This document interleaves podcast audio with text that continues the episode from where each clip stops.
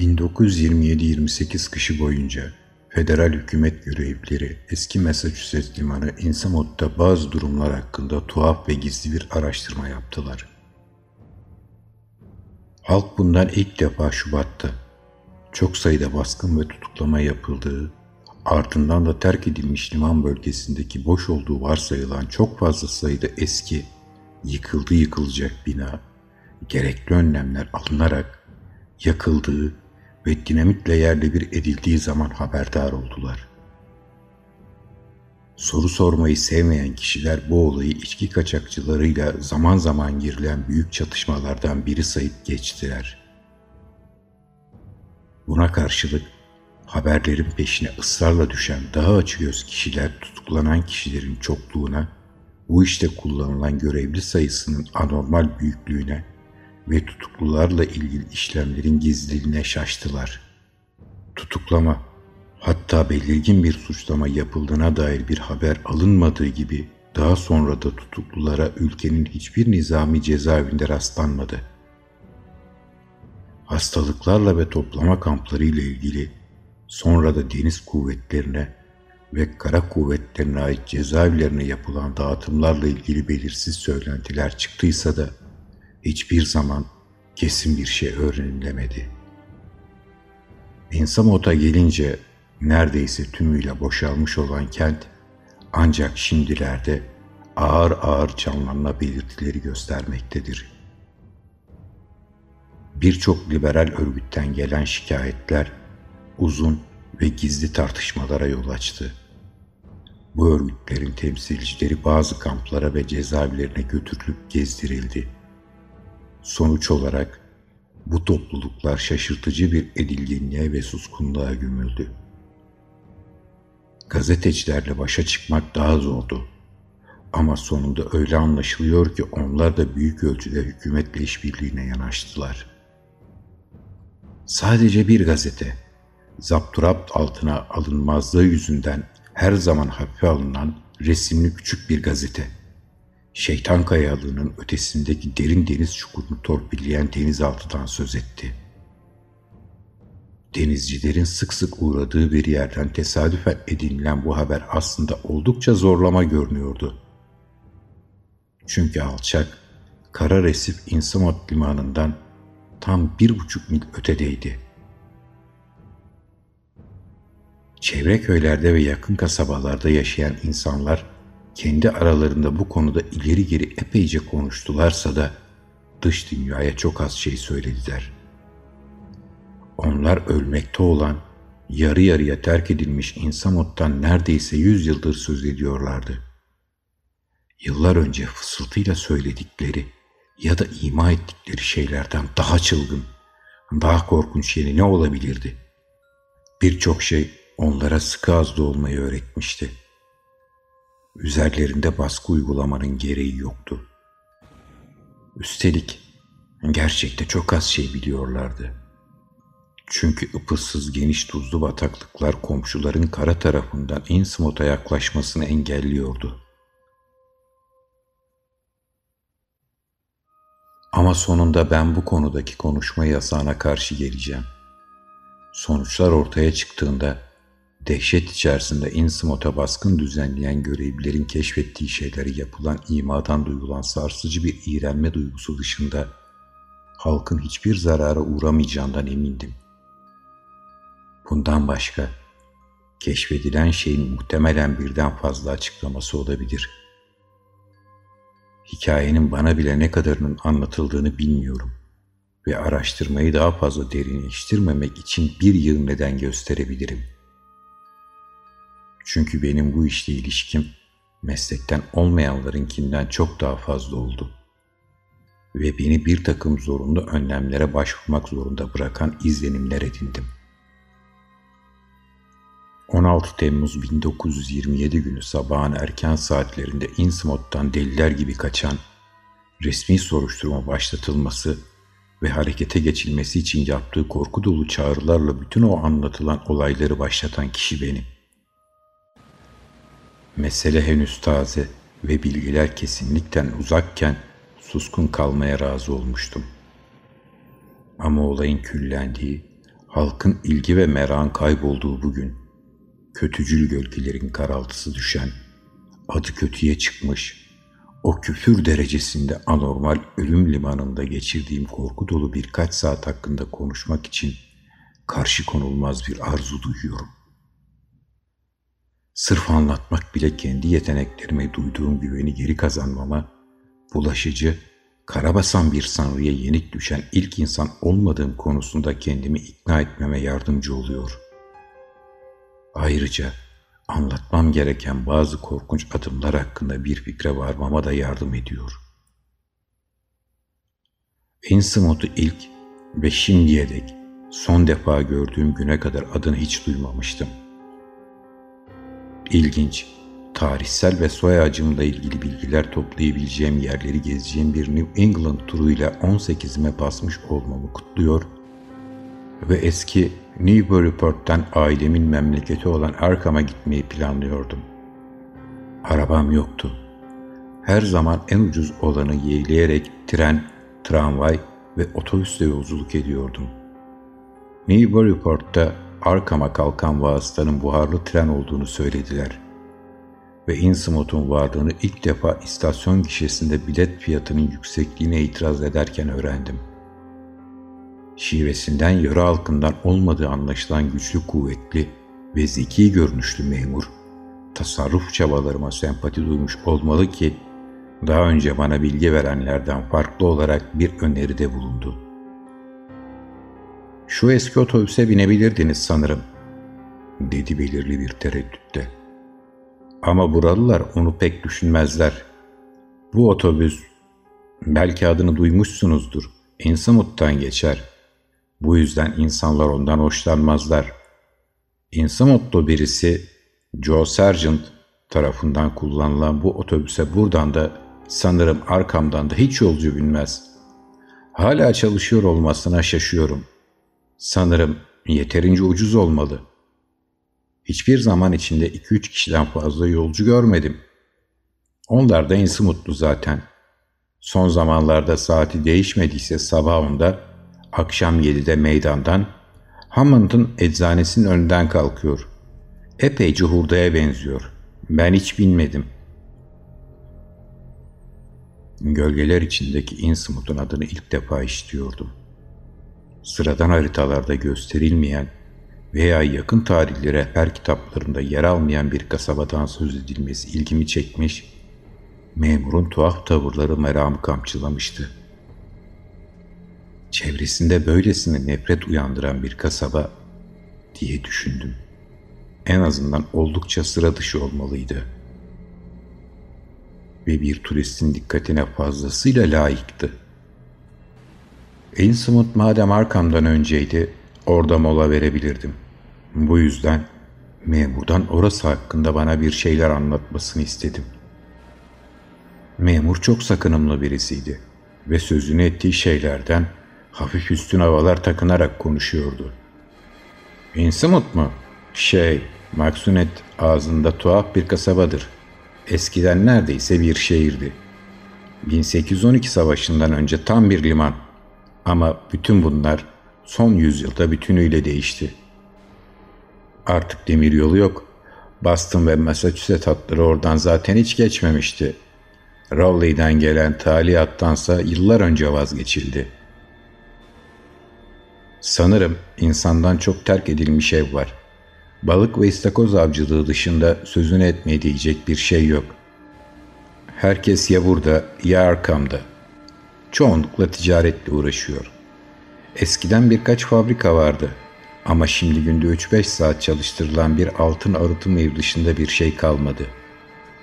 Ama bu arıtım evi eskiden büyük bir işletmeydi. Sahibi ihtiyar marş ise Karun kadar zengin olmalıydı.'' Lakin acayip bir ihtiyar. Evinden dışarı adım atmıyor. Ömrünün son yıllarında gözlerden ırak kalmasına yol açan bir cilt hastalığına yakalandığına ya da sakatlık geçirdiği varsayılıyor. İşin kurucusu Kaptan Obed Marsh'ın torunu. Annesinin bir yabancı olduğu anlaşılıyor. Güney Denizi adalarından diyorlar. Bu yüzden 50 yıl kadar önce Ipswich'li bir kızla evlendiğinde kızılca kıyamet koptu. Bunu hep insumutların başına kakarlar. Bu yüzden burada ve bu civarda insanlar kendilerindeki insumut kanını gizlemeye çalışırlar. Ama marşın çocukları ve torunları görebildiğim kadarıyla herkese benziyor. Onları bana göstermelerini istedim.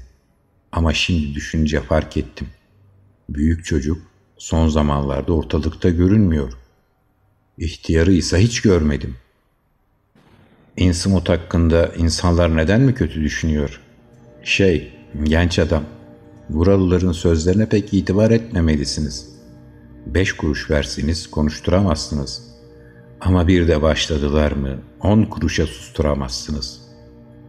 Sanırım son yüzyılı İnsımut hakkında ileri geri konuşarak çoğunu fısıltılarla geçirdiler ve anladığım kadarıyla İnsımut'tan hiçbir şeyden korkmadıkları kadar korkuyorlar.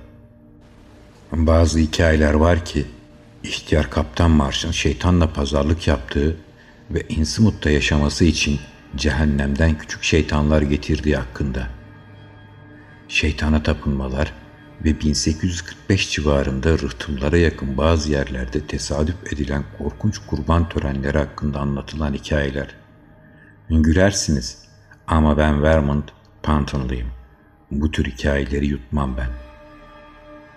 Ama yine de ihtiyarlardan bazılarının sahilin açıklarındaki kara resip, şeytan kayalığı diyorlar oraya, hakkında söylediği şeyleri dinlemelisiniz. Çoğu zaman suyun epey dışına kadar yükseldiği görülen bu resip hiçbir zaman su seviyesinin çok altında kalmaz. Buna bakarak ona bir ada diyemezsiniz. Hikaye şöyle. Bu resip üzerinde bazen sere serpe uzanmış veya resifin tepesine yakın bir takım mağaralara acelece girip çıkan bir şeytan ordusu görülüyormuş.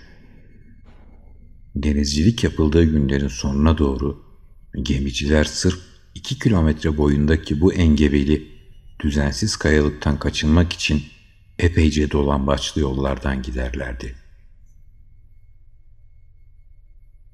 Yani Ensimut limanından kalkmayan gemiler, ihtiyar kaptan Marş'ın aleyhinde söylenen şeylerden biri de. Gelgit'in uygun zamanlarında geceleyin buraya çıktıydı. Belki çıkmıştır. Kaya oluşumunun çok ilginç olduğunu söyleyebilirim. Pekala bir korsan hazinesini aramış, hatta bulmuş da olabilir. Ama söylentiler onun orada şeytanla iş yaptığı yolundaydı. Öyle tahmin ediyorum ki resifle ilgili bu söylentileri çıkaran aslında kaptanın kendisiydi. Bu 1846'da çıkan ve Innsmouth halkının yarısından fazlasını öldüren büyük salgından önceydi. Sorunun ne olduğu hiçbir zaman tam olarak anlaşılamadı. Ama muhtemelen Çin'den veya başka bir yerden gemilerin getirdiği yabancı türde bir hastalıktı. Çok korkunç bir salgın olduğu kesindi ayaklanmalar çıktı. Kasaba dışında kimsenin haberdar olmadığına inandığım çok dehşet verici şeyler oldu. Ardından tam bir yıkım bıraktı. Salgın bir daha tekrarlanmadı. Şimdi orada yaşayan taş çatlasın 300-400 kişi vardır. Ama halkın hissiyatının temelinde ırkçı ön yargılar yatıyor. Böylesi ön yargılara sahip olanları suçladığımı söylemeyeceğim. Ben de bu insmotlardan nefret ediyorum. Kasabalarına gitmeyi dünyada istemem. Ne kadar çok sayıda New England gemisinin eskiden Afrika, Asya, Güney denizleri ve daha başka yerlerde ne garip limanlarla ilişkileri olduğunu ve bazen oralardan ne garip insanlar getirdiğini sanırım. Gerçi şivenizden batılı olduğunuzu anlıyorum ama biliyorsunuzdur.'' Çinli bir eşle evine dönen Salemli adamı herhalde duymuşsunuzdur. Ve Katburnu civarında bir yerlerde Fiji adalarının yerlerinden bir grup insanın hala yaşamakta olduğunu belki biliyorsunuzdur.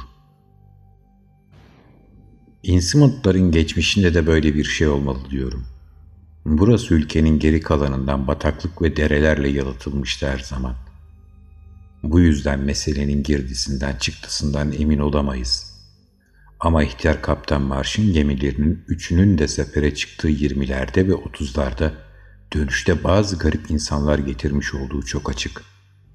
Bugünkü Innsmouth halkında kesinlikle tuhaf bir damar var. Nasıl açıklayacağımı bilmiyorum ama insanı yerde süründüren cinsten bir şey. Otobüsüne binerseniz Sargent'a da biraz olduğunu fark edersiniz. Bazılarının yassı burunları sanki hiç kapanmıyora benzeyen ışıltılı, pörtlek gözleriyle acayip dar, uzun kafaları var. Ciltleri ise olması gerektiği gibi değil. Pürüzlü ve pul pul. Boyunları buruşup pörsümüş. Çok erken yaşta da dazlak kılıyorlar. En berbat görünenlerse daha yaşlı olanlar. Gerçekte hiç böyle yaşlı birini görmüş olduğumu sanmıyorum. Herhalde aynaya bakınca ölüyor olmalılar. Hayvanlar onlardan nefret ediyor. Otomobilin icadından önce başları atlarla beladaydı.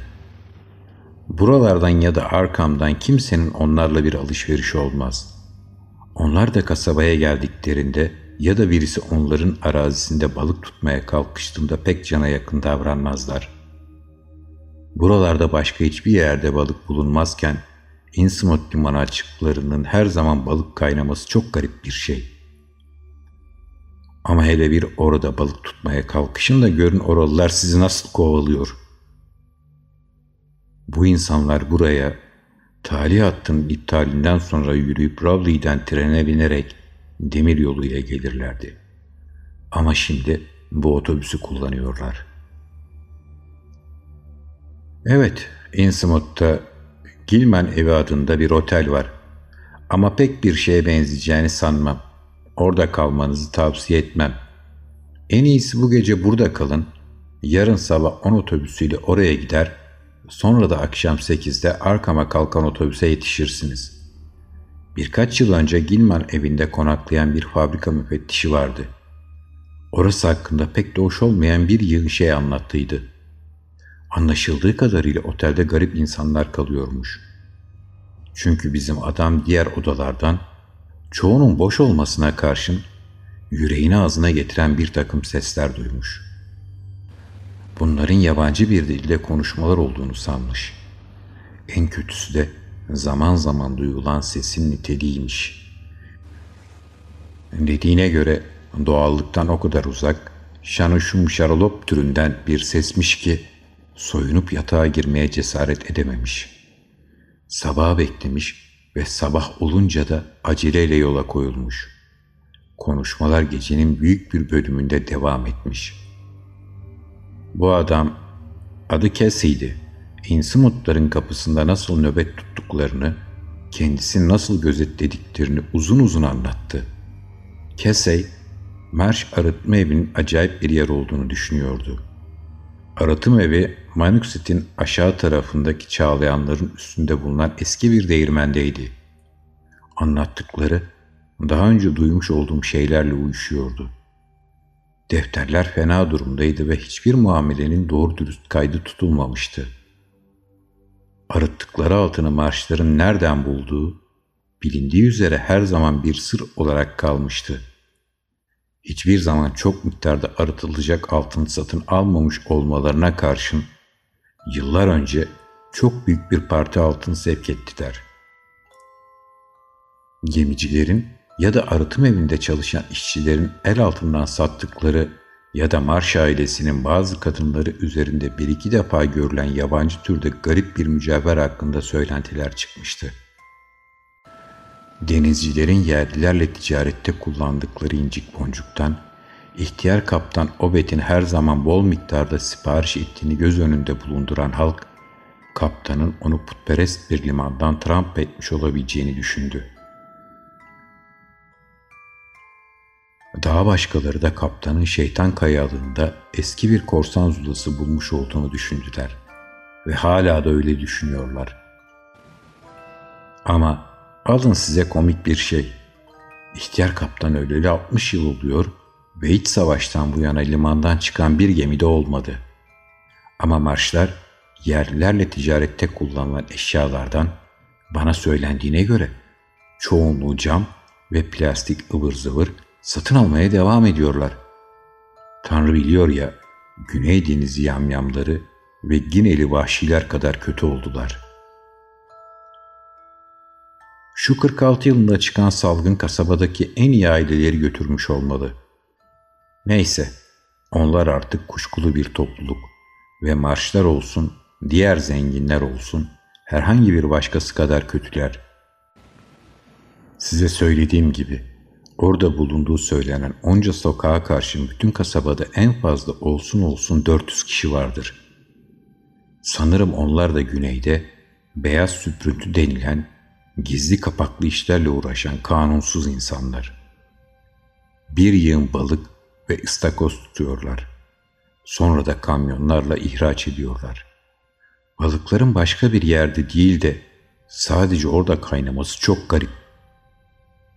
Kimse bu insanların izini süremiyor. Okul veya sayım görevlileri zor anlar yaşıyorlar. Meraklı yabancıların Innsmouth'ta hoş karşılanmadığına bahse girebilirsiniz. Ben şahsen birden fazla iş adamının ya da hükümet görevlisinin orada kaybolduğunu işittim. Aklını kaçıran ve şimdi Denver's'ta yatan biriyle ilgili kuşkulu söylentiler dolaşıyor ortada. Adamı fena korkutmuş olmalılar. Bu yüzden yerinizde olsam geceleyin oraya gitmezdim. Ben oraya hiç gitmedim. Gitmeyi de düşünmüyorum. Ama gündüz ziyaret etmekten sanırım bir zarar görmezsiniz. Gerçi buralılar size bunu bile tavsiye etmezler ya. Sadece ilginç yerleri gezip eski zamanlardan kalma zımbırtılar arıyorsanız Innsmouth tam size göre bir yer. O akşamın bir bölümünü Newburyport Halk Kütüphanesi'nde Innsmouth hakkında bilgi arayarak geçirdim. Dükkanlarda, aşevindeki, garajdaki ve itfaiyedeki insanlara soru sormaya kalkıştığımda onları konuşturmanın biletçinin tahmininden de zor olduğunu görüp içgüdüsel suskunlukların üstesinden gelmek için yeterince zamanım olmadığını anladım. Insumut'la bu kadar çok ilgilenen birisinde yanlış bir şeyler olması gerekiyormuş gibi anlaşılmaz bir kuşkuculukları vardı. Kalmakta olduğum Yanka'daki memur sadece böylesine kasvetli, berbat bir yere gitmekten beni caydırmaya çalıştı. Kütüphanedeki insanlar da farklı bir davranış göstermediler. Eğitimli insanların gözünde Innsmouth'un kent yozlaşmasının aşırı bir örneğinden başka bir şey olmadığı açıktı. Kütüphane raflarındaki Essex iliyle ilgili tarih kitaplarında kasabanın 1643'te kurulduğundan, bağımsızlık savaşından önce gemi yapımcılığıyla ünlenmiş olduğundan 19. yüzyıl başlarında müreffeh bir denizcilik merkezi daha sonraki yıllarda da Manukset Nehri'ni güç kaynağı olarak kullanan küçük bir fabrikanın merkezi olduğundan başka bir şey yoktu. 1846'da çıkan salgın ve ayaklanmalar sanki ilin saygınlığına gölge düşürecekmişçesine geçiştirilmişti. Çöküşten söz eden kayıtlar çok azdı ama son kaydın önemi su götürmezdi. İç savaştan sonra bütün sanayi yaşamı marş arıtım şirketiyle sınırlı kalmış ve altın külçelerin pazarlanması o her daim mevcut balıkçılık dışında geriye kalan tek ticari faaliyeti oluşturmuştu. Balıkçılık, balığın fiyatının düşmesi ve büyük şirketlerin rekabeti yüzünden giderek daha az gelir getirir olmuştu. Ama İnsanot Limanı civarında hiçbir zaman balık kıtlığı olmamıştı. Yabancılar nadiren oraya yerleşmişlerdi. Bunu denemiş olan çok sayıda Polonyalı ve Portekizlinin son derece sert bir şekilde dağıtılmış olduğuna dair ihtiyatla maskelenmiş kanıtlar vardı. En ilginci de Innsmouth'ta belli belirsiz ilişkilendirilen o garip mücevherlerle ilgili kayıttı. Bütün bölgeyi hiç de azımsanmayacak denli etkilemiş olduğu belliydi. Çünkü Arkham'daki Miskatonic Üniversitesi Müzesi'nde ve Newburyport Tarih Cemiyeti'nin sergi salonundaki numunelerden söz ediliyordu. Bu şeylerin parça parça tanımları yavan ve sıkıcıydı. Ama alttan alta devamlı bir tuhaflığın mevcudiyetini hissettiriyordu. Bunlarda öylesine tuhaf ve kışkırtıcı bir yan vardı ki bir türlü aklımdan çıkaramıyorum. Vaktin epeyce ilerlemiş olmasına karşın bir yolunu bulabilirsem kasabadaki birkaç taş için yapılmış tuhaf orantılı kocaman bir şey olduğu söylenen numuneyi görmeye karar verdim. Kütüphane memuru, cemiyetin müze müdürü bayan Arina Tilton'a göstereceğim tanıtıcı bir not verdi. Yakınlarda oturan bu yaşlı nazik bayan kısa bir açıklamadan sonra beni kapalı binaya almak nezaketini gösterdi. Ne de olsa vakit aman aman geç değildi. Koleksiyon aslında çok dikkate değerdi. Ama o anda içinde bulunduğum ruh haliyle bir köşedeki rafında elektrik ışıkları altında parıldayan garip nesne dışında gözüm bir şey görmüyordu. Orada mor bir kadife yastık üzerinde duran o yabancı, zengin fantazinin tuhaf, dünya dışı ihtişamı karşısında kelimenin tam anlamıyla nefesimin kesilmesi için güzelliğe aşırı duyarlı olmam gerekmiyordu. Bu parçanın betimlemelerde söylendiği gibi bir tür taç olduğu yeterince açık olmakla birlikte görmüş olduğum şeyi tarif etmekten şimdi bile acizim. Ön tarafı yüksek, çevresi geniş ve sanki kavun gibi bir baş için yapılmışçasına tuhaf bir şekilde düzensizdi. Yapıldığı malzeme ağırlıklı olarak altına benzemekle birlikte acayip parlaklığı çok güzel ama bir o kadar da tanımlanamaz bir metal alışımını akla getiriyordu.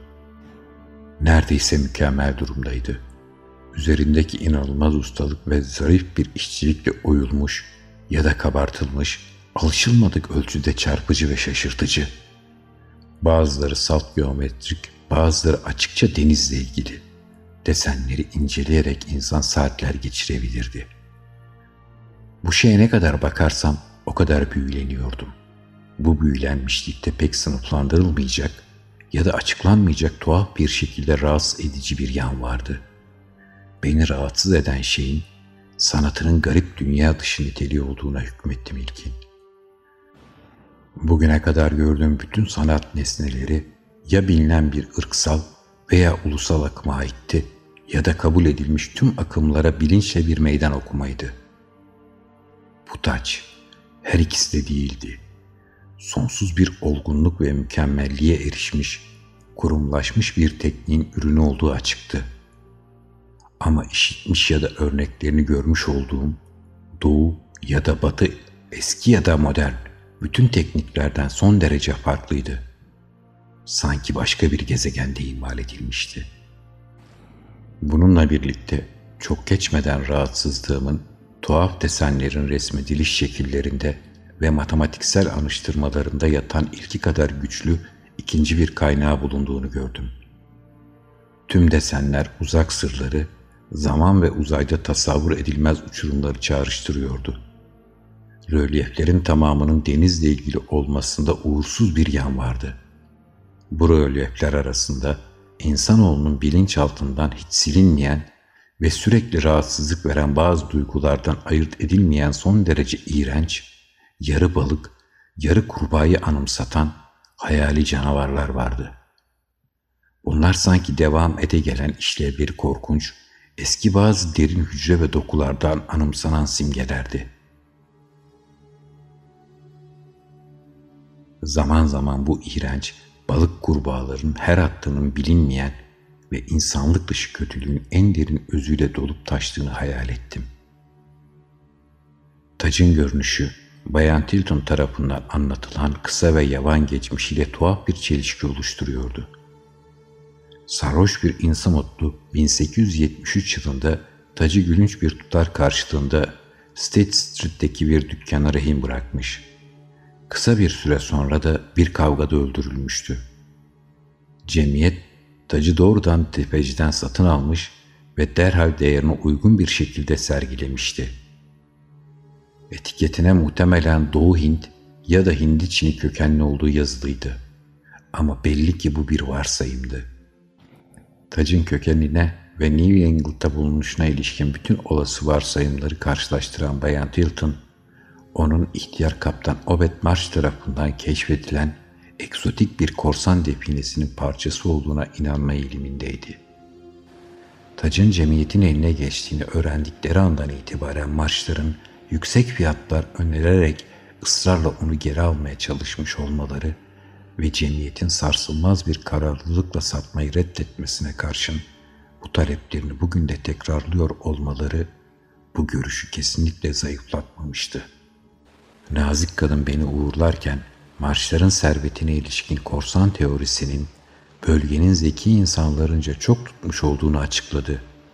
Bayan Tilton'ın hiç görmediği kuşkulu Innsmouth'a karşı tavrı kültürel yozlaşmaya uğramış bir topluluğa karşı takınılan tavırdı. Ve Innsmouth'ta şeytana tapınıldığına dair söylentilerin orada giderek güç kazanan ve bütün Ortodoks kiliseleri yutan garip bir gizli mezhebin varlığıyla kısmen doğrulanmış olduğunu belirtti. Bayan Tilton'ın dediğine göre adı Batini Dagon tarikatıydı. Ve yüz yıl kadar önce Innsmouth dalyanı kurumaya yüz tuttuğunda doğudan ithal edilmiş yarı putperest yoz bir mezhepti. Mezhebin basit insanlar arasında çabucak kök budak salması, dalyanın ansızın ve sürekli olarak balık kaynamaya başlaması göz önüne alındığında gayet tabiydi. Mezhep çok geçmeden karargahını New Church Green'deki mason binasına kurup masonluğun yerini almış ve kasabadaki en etkin güç haline gelmişti. Bütün bunlar dini bütün Bayan Tilton'a göre kokuşmuşluğun ve viraniliğin o eski kentinden uzak durmak için mükemmel bir sebep oluşturuyor. Benim içinse yeni bir teşvik anlamına geliyordu. Mimari ve tarihsel beklentilerime şimdi de antropolojik bir heves eklenmişti. Ve gece geçip giderken Y'deki küçük odamda uyumakta zorlanıyordum. Birinci bölümün sonu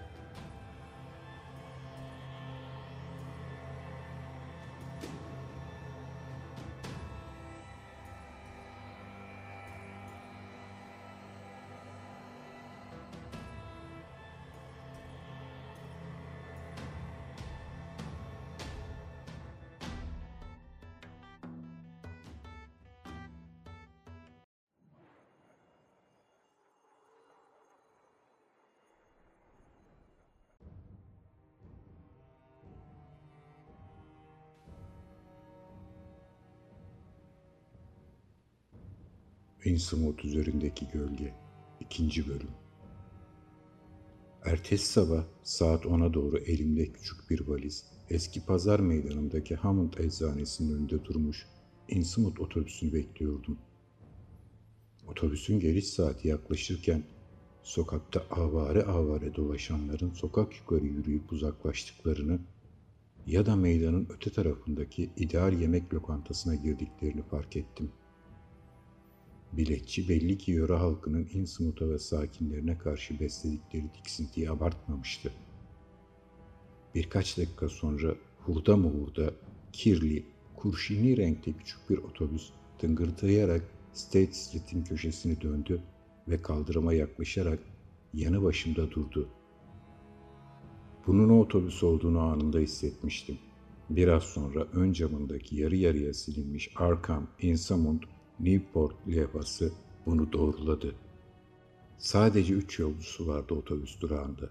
Beceriksizce ayaklarını sürüyerek inip State Street'ten yukarı sessizce, neredeyse sinsizce yürümeye koyuldular. Sürücü de indi. Alışveriş yapmak için eczaneye girerken onu izledim. Bu biletçinin sözünü ettiği Joe Sargent olmalı diye düşündüm. Ve daha ayrıntıları fark etmeye kalmadan içimi denetlenemez ve açıklanamaz bir iğrenme dalgası kapladı kendiliğinden. Yöre halkının bu adamın sahip olduğu ve kullandığı bir araca binmek istememesinin ya da böyle bir adamın ve hısımlarının yaşadığı bir kasabaya olabildiğince az ziyaret etmesinin çok normal olduğuna karar verdim birden. Şoför eczaneden çıktığında ona dikkatle bakarak kötü izlenimimin kaynağını belirlemeye çalıştım. En az 1.85 boyunda, omuzları çökük, zayıf bir adamdı. Partal mavi giysiler giymiş, yıpranmış bir golf şapkası takmıştı. Yaşı 35 kadar olmalıydı. Ama insan donuk, ifadesiz yüzünü incelemediğinde boynunun yanlarındaki tuhaf, derin kırışıklar onu daha yaşlı gösteriyordu. Dar bir kafası, neredeyse hiç kırpıştırmadığı açık mavi, pörtlek gözleri, yassı bir burnu, geriye yatık bir alnı ve çenesi, gelişmemiş, çok garip kulakları vardı. Dudakları kalındı. Kara sarı, çiçek bozuğu yanakları uzun, kıvrak tek tük sarı kıllar dışında sakaldan yoksun ve sanki bir cilt hastalığı sonucu soyulmuş gibi yer yer garip ve şekilsizdi.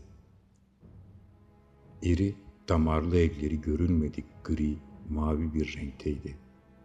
Parmakları cüssesine oranla dikkati çekecek kadar küçüktü ve kocaman avucuna doğru kıvrılmaya meyyaldi.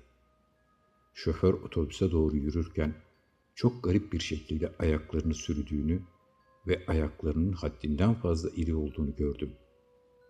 Ayaklarını inceledikçe onlara uygun ayakkabıları nasıl bulabildiğini daha çok şaşıyordum.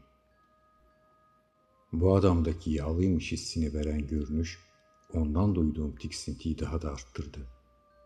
Balıkçı rıhtımları civarında çalışmaya ya da dolaşmaya meraklı olmalıydı ve oralara has kokuyu da gittiği yerlere götürüyordu. Hangi yabancı kanı taşıdığını tahmin bile edemiyordum.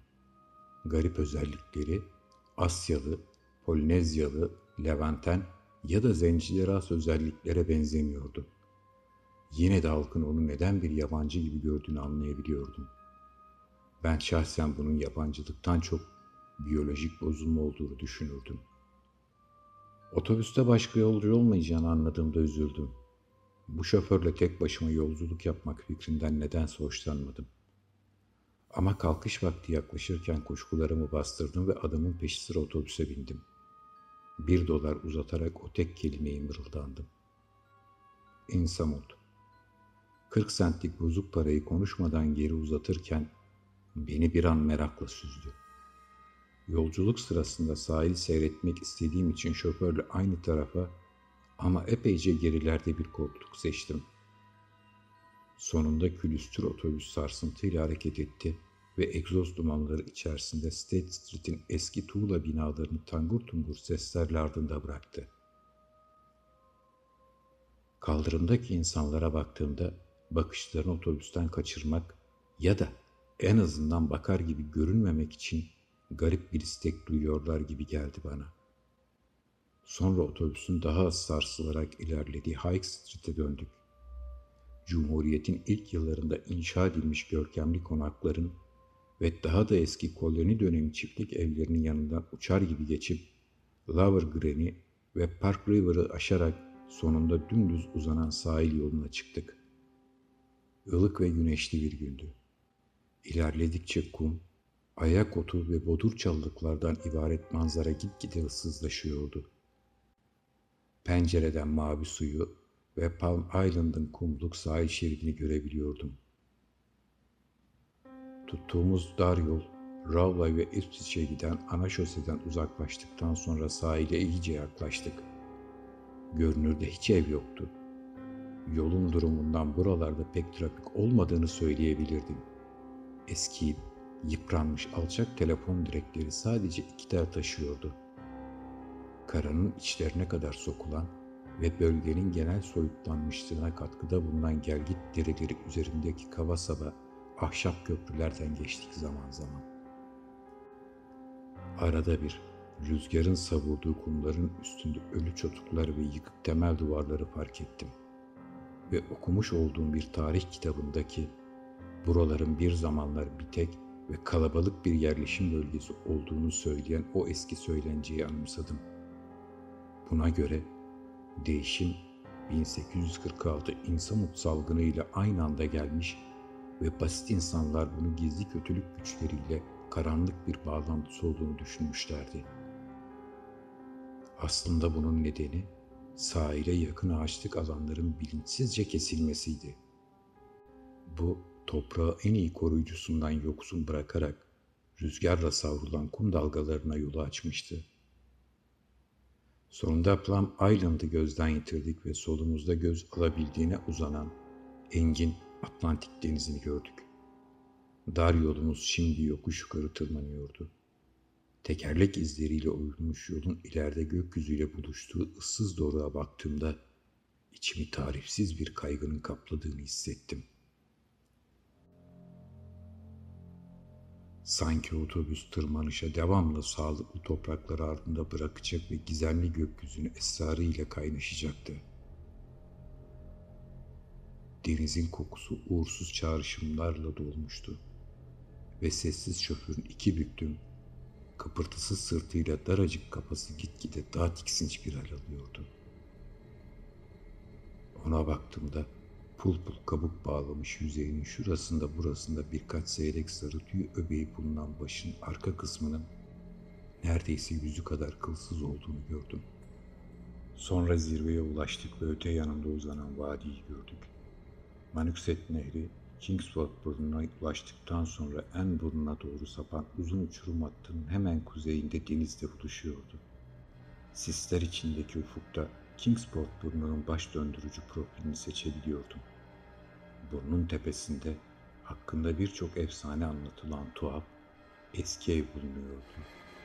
Ama şimdilik bütün dikkatimi hemen aşağıda uzanan manzaraya vermiştim. Söylenenlere göre gölgelenmiş Innsmouth'la karşı karşıya olduğumu anlamıştım. Burası birbirine yakın inşa edilmiş yapılarla dolu, geniş bir alana yayılmış bir kasabaydı. Ama hayret edilecek kadar hayat belirtisinden yoksundu. Bacak külahları denizinden nadiren bir duman yükseldiği görülüyordu.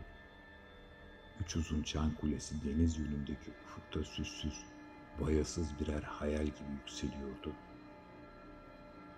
Kulelerden birinin tepesi dökülmeye başlamıştı. Bu kuleyle bir diğerinde saat katranlarının bulunması gereken yerlerde birer kara delik vardı. Birbirine sokulmuş bel vermiş balık sırtı damların ve sivri üçgen çatıların çokluğu çürümenin boyutları hakkında çok net bir fikir veriyordu.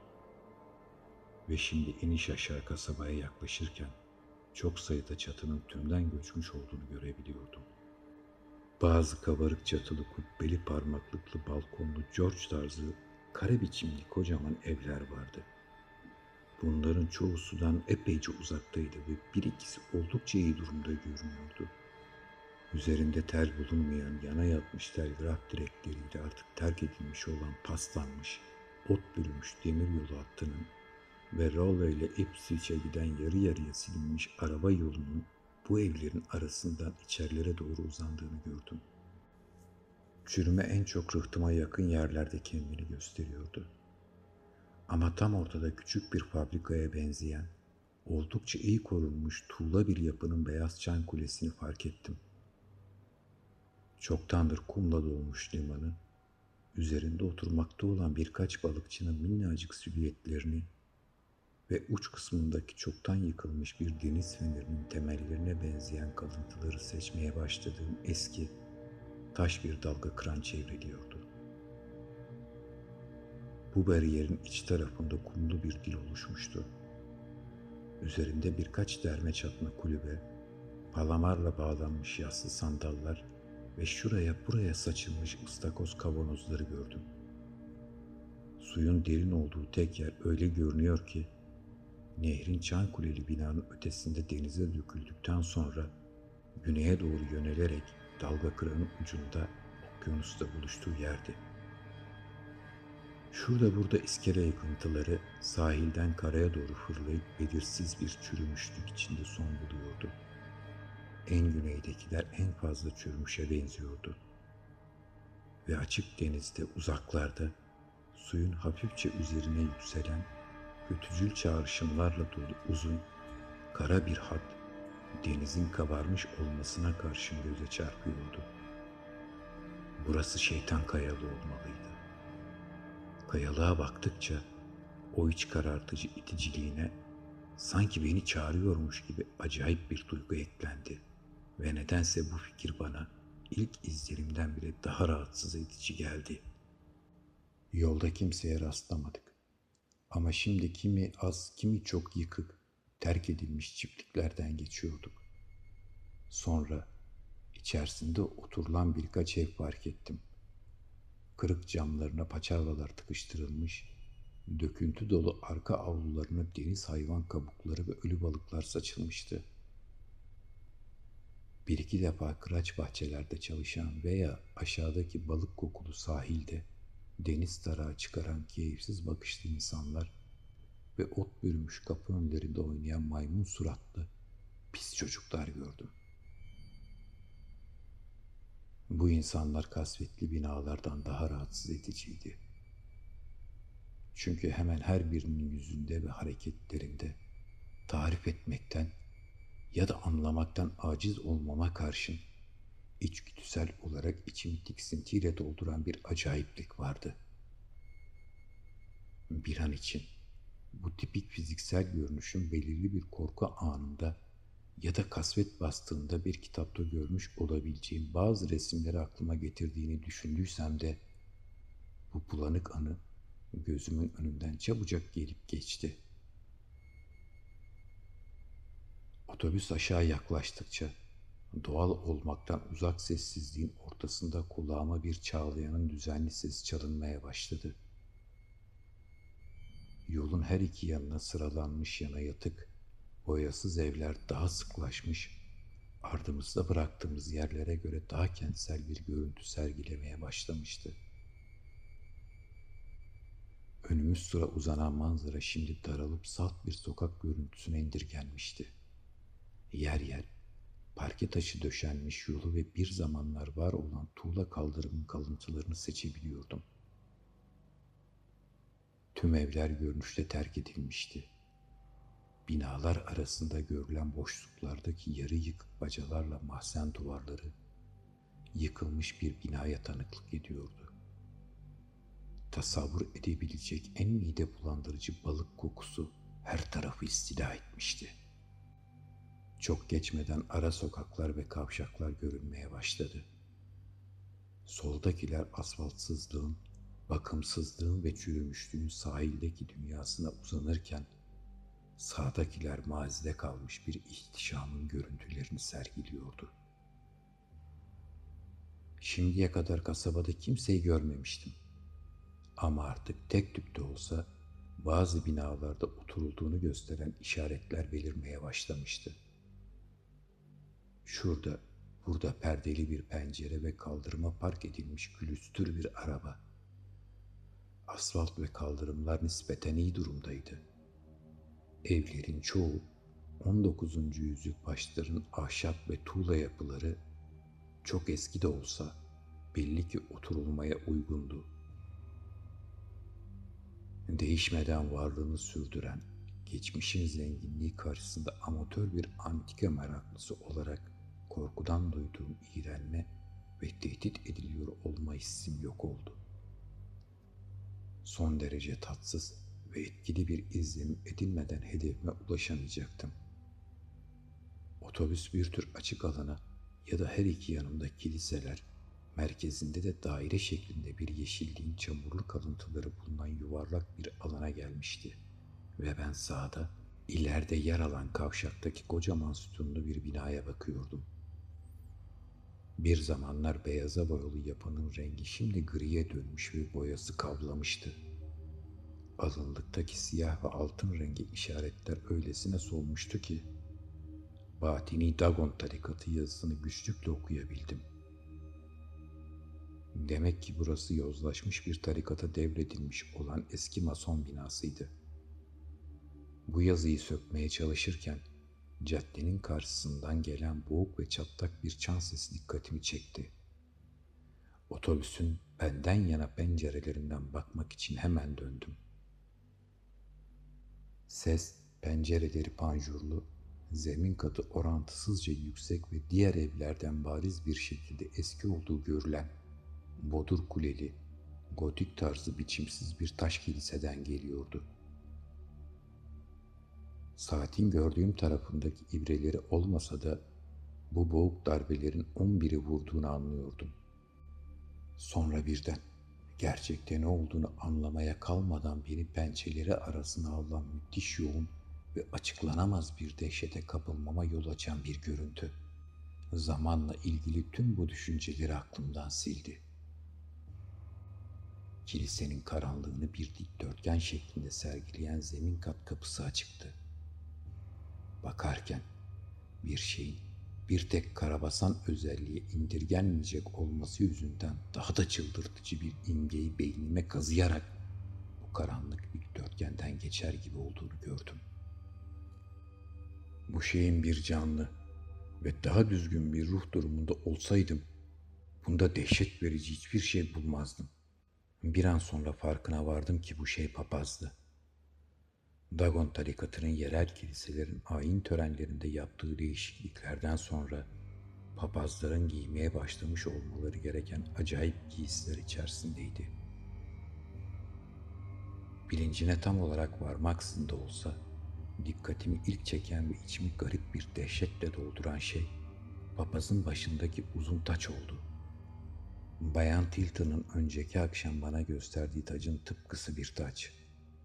Bu hayal gücüm üzerinde etkide bulunarak meçhul yüze ve altındaki beceriksizce ayaklarını sürüyen cübbeli süliyete meşhum nitelikler affetmeme neden oldu.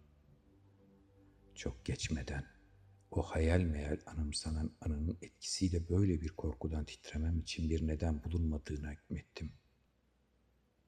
Gizemli bir yerel mezhebin, garip bir yoldan topluluğa tanıtılmış tek tip bir başlığı, üniformasının bir parçası olarak benimsemesi doğal değil miydi? Şimdi kaldırımda tek de olsa itici görünüşlü genç insanlar görünmeye başlamıştı.'' Eskilikten dökülen bazı evlerin alt katlarını kirli tabelalı dükkanlar işgal ediyordu. Otobüs tangırtılarla ilerlerken park etmiş birkaç kamyon fark ettim. Çağlayan'ın sesi daha net duyulur olmuştu. Tam o sırada ileride üzerinde demir parmaklıklı bir karayolu köprüsü, karşı yakasında da geniş bir meydan uzanan oldukça derin bir nehir yatağı gördüm.'' Tangırdayarak köprüyü geçerken iki tarafıma da bakındım ve otlu yarım kıyısında veya biraz aşağısında bazı fabrika binaları bulunduğunu gördüm. Ta aşağılarda çok bol miktarda su akmaktaydı. Sağımda nehrin üst yanında en az iki, solumda nehrin alt yanında bir adet etkileyici çağlayan bulunduğunu görebiliyordum.'' Bu noktada gürültü adeta sağır ediciydi. Sonra nehrin karşı tarafında yer alan yarım daire şeklindeki büyük meydana varıp sağa yaklaşarak yarı yarıya silinmiş levhasından Gilman evi olduğu anlaşılan sarı boya kalıntılı kubbeli bir binanın önünde durduk. Bu otobüsten inmiş olmaktan memnundum ve hemen valizimi emanete teslim etmek üzere berbat görünüşlü otel lobisine girdim. Görünürde yalnızca bir kişi. İnsamut görünüşü demeye başladığım görünüşten uzak yaşlı biri vardı. Bu otelde tuhaf şeyler görülmüş olduğunu anımsayarak aklımı kurcalayan sorulardan hiçbirini sormamaya karar verdim. Bunun yerine otobüsün terk etmiş olduğu meydanda ağır adımlarla gezinerek manzarayı inceden inceye ve değer biçerek inceledim. Parke taşı döşeli meydanın bir yanı nehrin düz çizgisi, diğer yanı 1800'ler civarında inşa edilmiş eğik çatılı tuğla binaların oluşturduğu yarım çemberdi. Bu çemberden güneydoğuya, güneye ve güneybatıya doğru birbirinden uzaklaşarak uzanan yollar bulunuyordu. Hepsi düşük voltajlı elektrik ampulü olan lambalar can sıkacak kadar az sayıda ve küçüktü. Bu gecenin mehtaplı olacağını biliyor olmakla birlikte planlarımın karanlık basmadan buradan ayrılmam gerektiriyor olmasından hoşnuttum. Binaların hepsi iyi durumdaydı ve halen çalıştırılan en az 12 dükkan vardı. Bunlardan biri First National zincirinden bir bakkal dükkanıydı. Diğerlerine gelince iç karartıcı bir aşevi, bir eczane, bir balık toptancısının bürosu ve meydanın en doğusunda nehre yakın bir yerde kasabanın tek endüstrisinin Marş Arıtım Şirketi'nin bürosu. Ortalıkta on kadar insanla sağda solda 4-5 otomobil ve kamyon görülüyordu. Buranın şehir merkezi olduğunun söylenmesi gerekmiyordu. Doğuya doğru bir zamanlar güzel olduğu anlaşılan George tarzı üç çan kulesinin yıkıntılarının arkasındaki limanın mavi parıltılarını görüyordum. Ve nehrin öte yakasında sahile doğru marş arıtım evi olduğunu sandığım yapının üst tarafında yükselen beyaz çan kulesini gördüm. Şu ya da bu nedenle araştırmalarımı personeli Innsmouth'luya benzemeyen bakkal dükkanından başladım. Dükkanda 17 yaşlarında bir çocuk vardı sadece.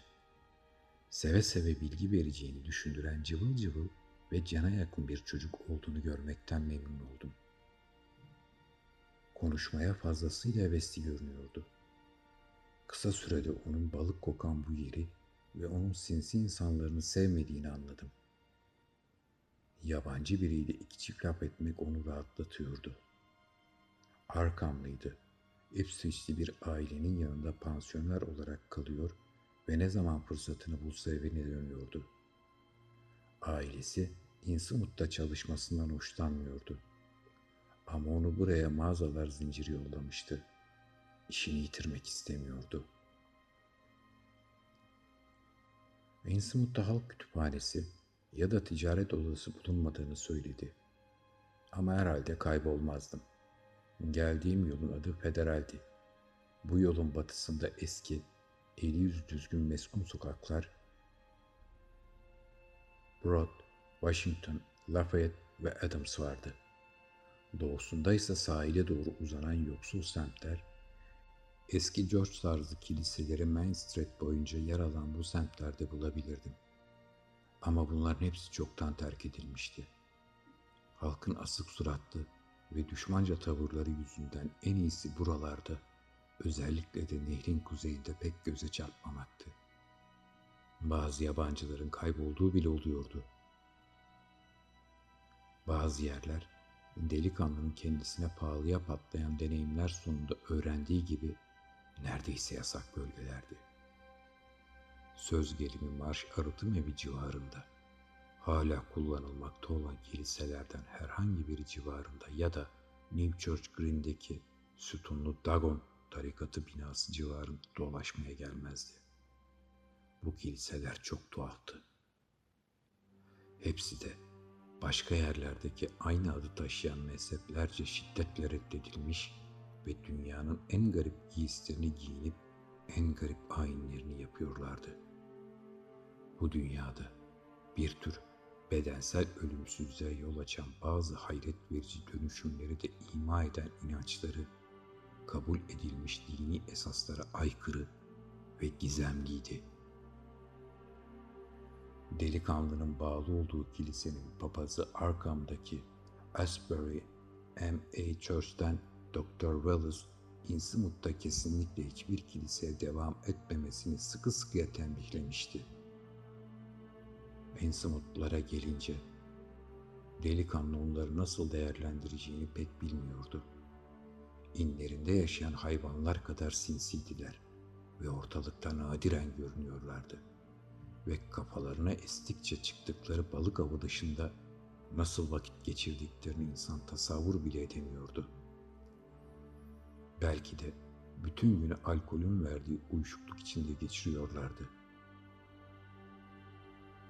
Bir tür arkadaşlık ve anlayış içerisinde sanki daha tercih edilebilir başka bir evrene girebiliyorlarmış gibi bu dünyayı küçümseyerek somurtuk suratlarla bir araya toplanıyorlardı. Dış görünüşleri, hele bir defa olsun kırptıklarını kimsenin görmediği o dik dik bakan gözleri kesinlikle şok ediciydi. Sesleri ise iğrençti. Geceleri özellikle de 30 Nisan ve 31 Ekim'e denk gelen ana ya da diriliş festivallerinde kilisede söyledikleri ilahileri işitmek çok korkunçtu. Suya çok düşkündüler. Nehirde ve limanda bol bol yüzüyorlardı. Şeytan kayalıklarında sık sık yüzme yarışı yapılıyordu ve ortalıktaki herkes bu çetin spora katılacak kadar sağlıklı görünüyordu. İnsan bu hususu düşündüğünde ortalıkta görülenlerin genellikle oldukça genç insanlar olduğunu ve bunlardan daha yaşlıca olanların daha kötü göründüğünü fark ediyordu. İstisnalar da yok değildi. Bunlar genellikle oteldeki yaşlı katip gibi hiçbir anormallik izi taşımayan insanlardı. İnsan doğrusu Innsmouth'un çoğunluğunu oluşturan yaşlı insanlara ne olduğunu ve Innsmouth görünüşünün geçen yıllarla güçlenen tuhaf ve sinsi bir hastalık olup olmadığını merak ediyordu.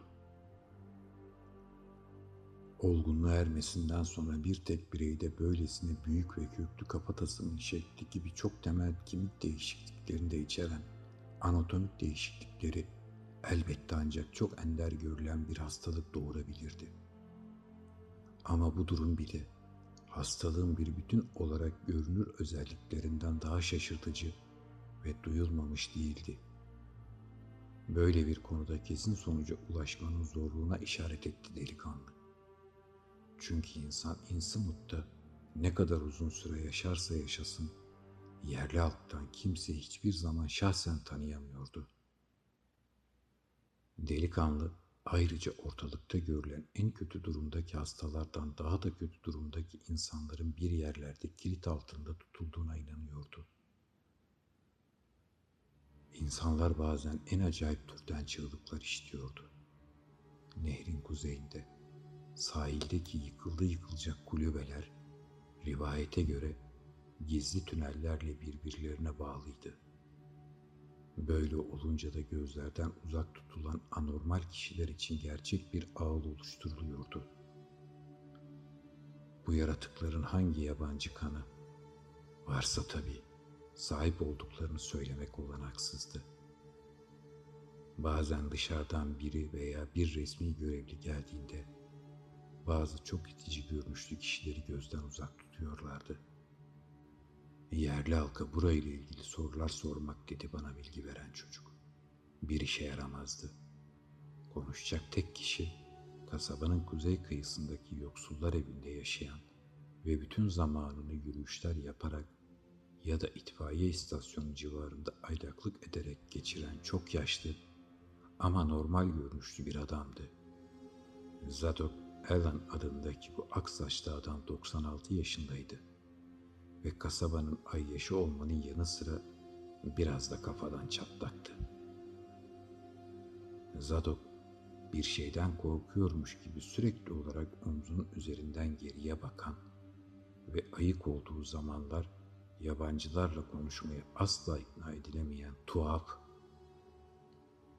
sinsi bir yaratıktı. Bununla birlikte en gözlü zehri ikram edildiğinde direnemiyordu. Ve bir kez sarhoş oldu mu en şaşırtıcı anı parçalarını anlatmaktan geri durmuyordu. Bununla birlikte ondan öyle dişe dokunur bir bilgi elde etmenin olanağı yoktu. Çünkü hikayelerin tümü çılgınca şeylerdi ve kendi alt üst olmuş imgeleminden başka bir kaynağı olmayacak, olanaksız mucizelerle dehşet verici şeylere yapılan eksik imalarla doluydu. Bugüne kadar ona inanan çıkmadı. Ama yerli halk onun içip içip yabancılarla konuşmasından hiç hoşlanmıyordu. Ve ona sorular sorarken görünmek her zaman emniyetli değildi. En çılgın söylenti ve hayallerin bir bölümü muhtemelen ondan kaynaklanıyordu. Kasaba halkından olmayıp burada oturan çok sayıda insan zaman zaman çok korkunç şeyler görmüş olduklarını bildirmiştir. Ama ihtiyar Zadon öyküleri ve eciş bücüş kasaba sakinleri arasında böylesi hayaller görmelerinde şaşacak bir yan olmasa gerek. Bu yabancılardan hiçbiri geç saatlere kadar dışarıda kalmazdı. Çünkü hepsi de böyle yapmanın pek akıllıcı olmayacağını hissederdi. Ayrıca sokaklar mide bulandıracak denli karanlıktı. İş hayatına gelince balığın bolluğu neredeyse tekinsiz de elbette. Ama kasabalılar bundan giderek daha az yararlanır olmuşlardı. Üstüne üstlük fiyatlar düşüyor, rekabet artıyordu. Hiç kuşkusuz kasabanın asıl işi ticari bürosu. Bulunduğumuz yerin birkaç blok doğusundaki meydanda bulunan arıtım eviydi. İhtiyar marş hiç ortalıkta görünmüyordu. Ama bazen perdeleri çekilmiş, kapalı bir arabayla iş yerine gidiyordu. Marşın dış görünüşünün ne kadar değiştiği hususunda her türden rivayet almış başını yürümüştü. Bir zamanlar şık giyinmeye düşkün birisi olan Marş, çarpık çırpık bedenine tuhaf bir şekilde uydurulmuş Edward tarzı frak giyiniyordu hala. Oğulları eskiden meydandaki büroyu yönetiyorlardı. Ama şu son zamanlarda işlerin yükünü daha genç kuşağa devrederek gözden ırak durmaya başlamışlardı. Oğulları ve kız kardeşleri özellikle de daha yaşlı olanları çok tuhaf görünmeye başlamıştı. Sağlık durumlarının her geçen gün daha da kötüye gittiği söyleniyordu. Marşın kızlarından birisi, o garip taçla aynı egzotik gelenekten çok sayıda mücevher takıp takıştıran son derece itici, sürüngen görünüşlü bir kadındı. Bana bilgi veren çocuk, mücevherleri birçok defa görmüş ve onların korsanlara ya da şeytanlara ait aynı gizli defineden geldiğini işitmişti. Din adamları da bu tür süsleri başlık olarak giyiniyorlardı. Ama insan onları çok ender buluyordu. Innsmouth'ta daha birçok mücevher olduğu söylentilerine karşı delikanlı başka mücevher görmemişti. Marşlar kasabanın yüksek tabakasından diğer üç aileyle birlikte tam anlamıyla inzivaya çekilmişlerdi. Bu aileler Washington Caddesi üzerindeki kocaman evlerde yaşıyorlardı. Bu evlerden birçoğunun fiziksel görünüşleri insan içine çıkmaya el vermediğinden resmi makamlara öldükleri bildirilen bazı akrabalarını gizlice barındırdıklarına dair söylentiler vardı. Sokak tabelalarının çoğunun yerinde yerler estiğini söyleyen delikanlı, yararlanmam için kasabanın önemli yerlerini gösteren kaba taslak ama yeterince ayrıntılı bir haritasını çizdi. Haritaya kısa bir an göz attıktan sonra çok işime yarayacağına emin oldum ve binlerce teşekkürle cebime koydum. Gördüğüm tek lokantanın pistinden tiksinmiş olduğundan daha sonra öğle yemeği olarak yemek üzere bol miktarda peynirli kraker ve zencefilli gofret satın aldım. Programımı belli başlı sokakları arşınlamak, karşılaşacağım burada olmayan insanlarla konuşmak ve akşam 8'de arkama kalkan otobüse yetişmek şeklinde çizdim. Kasabanın toplumsal çürümenin önemli ve aşırı bir örneğini oluşturduğunu görebiliyordum. Ama sosyolog olmadığımdan gözlemlerimi daha çok mimari alanla sınırlı tutacaktım. Böylece Innsmouth'un gölgelerle kavrarmış dar sokaklarında sistemli ama şaşkın turuma başladım.'' Köprüyü aşıp nehrin alt yanındaki Çağlayan'ın gürültüsüne doğru yönelerek tuhaf bir şekilde bir sanayi tesisinin gürültüsünden yoksun olduğu görülen Marş Arıtım Evi'nin yakınından geçtim. Bu bina birçok yolun buluştuğu bir kavşağın, bu kavşağın Eskişehir merkezi olup bağımsızlık savaşından sonra yerini bugünkü şehir merkezine bıraktığını sanıyorum. Ve bir köprünün yakınındaki sarp bir eğimle nehre doğru inen yarım kıyısında bulunuyordu. Derin nehir yatağını ana cadde üzerindeki köprüden yeniden açtım ve korkudan tüylerimi diken diken eden son derece ıssız bir bölgede buldum kendimi. Birbirine sokulmuş, bel vermiş balık sırtı damlar, gökyüzüne karşı zikzaklar çizen fantastik bir silüet oluşturuyor. Bu silüetin üzerinde eski bir kilisenin tepesi yıkılmış çan kulesi korkunç bir hayal gibi yükseliyordu. Ana cadde üzerindeki bazı evlerde oturuluyordu. Ama evlerin çoğunluğu tahtalar çakılarak sıkı sıkıya kapatılmıştı. Asfaltsız yan sokaklardan aşağı terk edilmiş kulübelerin esner gibi ardına kadar açık karanlık pencerelerini görüyordum. Kulübelerin birçoğu temellerinin yer yer yıkılmış olması yüzünden tehlikeli ve tanımlanamaz açılar yapacak şekilde yan yatmıştı. Bu pencereler öylesine hayalet gibi bakıyorlardı ki doğuya dönüp sahile doğru yürümek yürek istiyordu.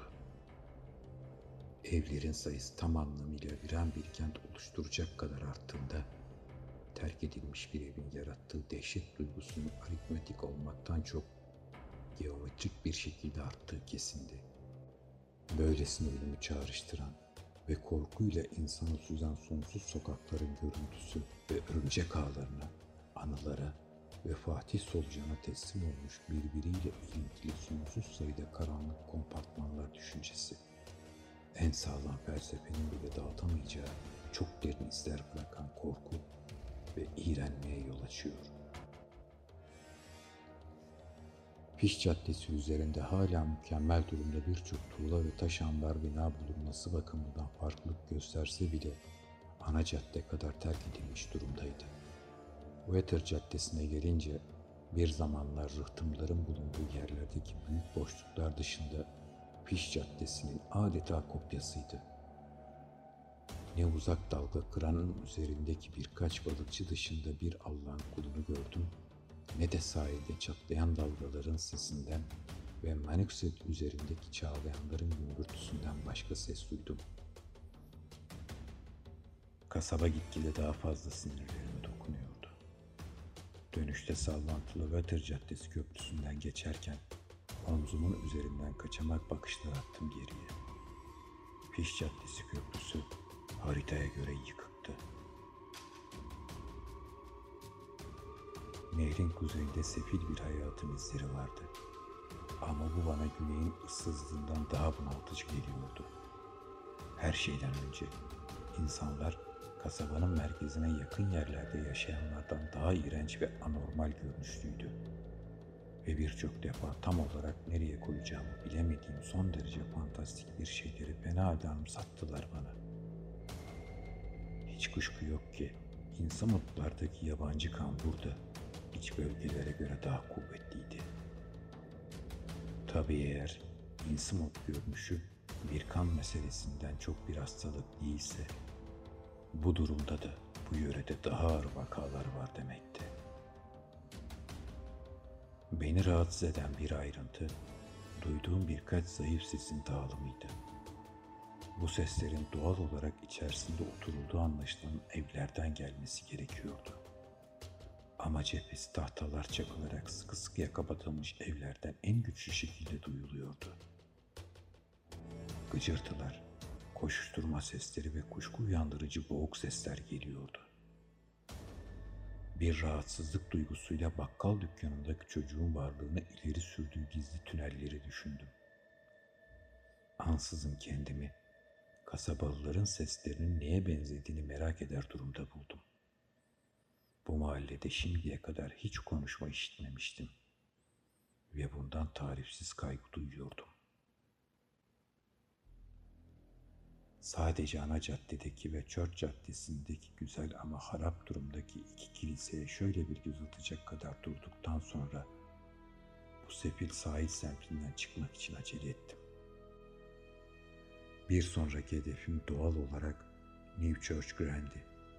Lakin başındaki o tuhaf taç bulunan anlatılmaz derecede korkutucu rahip ya da papazı zemin katında gördüğüm kilisenin önünden bir daha geçme düşüncesine nedense dayanamıyordum.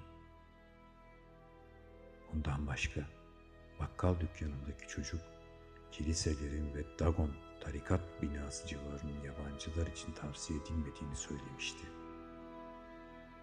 Bu kararımı uyarınca ana caddeden kuzeye doğru yürüyerek Martin Caddesi'ne ulaştım. Sonra içeriye dönerek Federal Caddeyi ve New Church Green'in kuzeyinden emniyet açtım ve kuzeydeki Broad, Washington Lafayette ve Adams caddelerinin oluşturduğu kokuşmuş soylular semtine girdim. Bu gösterişli eski caddeler bakımsız ve çok kötü görünüyor olsalar da kara ağaçların gölgelediği ağır başlıklarını büsbütün yitirmemişti. Bir o konağa bir ötekine bakıyordum. Konakların çoğunluğu ihmal edilmiş avlular içerisinde harap durumdaydı. Ve tahtalar çakılarak kapatılmıştı. Ama her caddede bir iki tanesinde oturulduğunu gösteren işaretlere rastlanıyordu. Washington Caddesi'nde çok bakımlı çim ve bahçeleriyle mükemmel durumda yan yana 4-5 ev vardı. Bunlardan en gösterişlisinin Lafayette Caddesi'ne kadar uzanan geniş taraçalı tahları bulunan evin, arıtım evinin dertli sahibi ihtiyar marşın evi olduğuna hükmettim. Bütün bu caddelerde bir tek canlı görünmüyordu. Ve Innsmouth'tan için hiç kedi ve köpek bulunmadığı kafama takıldı. Beni şaşırtan ve rahatsız eden başka bir şeydi. Bazı çok iyi durumdaki evlerde bile birçok üçüncü kat ve tavan arası penceresinin panjurlarının sıkı sıkıya kapalı olmasıydı. Gizlilik ve sır saklayıcılık, yabancılaşmanın ve ölümün bu suskun kentinde genel kabul görmüşe benziyordu. Ve o hiç kapanmayan gözler tarafından gizliden gizliye gözetlenmekte olduğum duygusundan bir türlü kurtulamıyordum. Sol tarafındaki bir çan kulesi çatlak bir sesle üçü vururken Korkuyla titredim. Bu seslerin geldiği Budur Kilise gayet iyi anımsıyordum. Washington Caddesi'ni nehre doğru takip ederek eski sanayi ve ticaret merkezinin yeni bir bölgesine çıktım.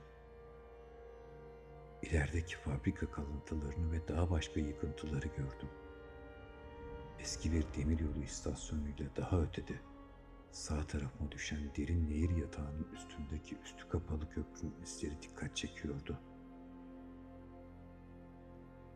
Önümde duran güvenilmez köprünün üstünde bir uyarı tabelası vardı. Ama tehlikeyi göze alarak bir kez daha hayat izlerinin yeniden belirdiği güney yakasına geçtim. Ayaklarını sürüyen sinsi yaratıklar esralı tavırlarla gözlerini bana dikerken daha normal yüzler soğuk ve meraklı bakışlarla süzdüler beni. Innsmouth hızla çekilmez bir yer haline geliyordu.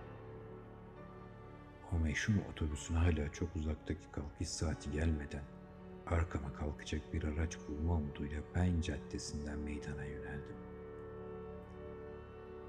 Solumda kalan yıkık itfaiye istasyonu işte o zaman gördüm ve binanın önündeki bir banka oturmuş, kılıksız ama normal görünüşlü iki itfaiyeriyle konuşan kırmızı suratlı, darmadağınık sakallı, sulu gözlü ve paçavralar içindeki yaşlı adamı fark ettim. Bu yarı kaçık, içkici, doksanlık adam hiç kuşkusuz Innsmouth hakkında ve Innsmouth'taki kuşku verici olaylar hakkında inanılmaz, korkunç hikayeler anlatan Zadok Allen'de. İkinci bölümün sonu.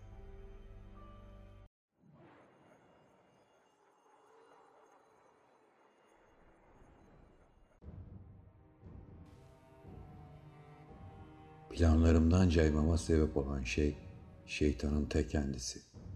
ya da karanlık, gizli güçlerin alaycı çekim kuvveti olmalıydı. Gözlemlerimi sırf mimariyle sınırlandırmaya çoktan karar vermiş ve o sırada bu cerahatli ölüm ve çürümüşlük kentinden bir an önce uzaklaşmak için aceleyle meydana koşturuyordum. Ama ihtiyar Zadokallen'i görmek zihnimde yeni eğilimler oluşturdu ve adımlarımı kararsızlıkla yavaşlattım. Yaşlı adamın çılgın, birbirini tutmaz ve inanılmaz efsaneler anlatmaktan başka bir şey yapmadığı söylenerek onunla konuşurken görünmenin güvenli olmadığı konusunda uyarılmıştım.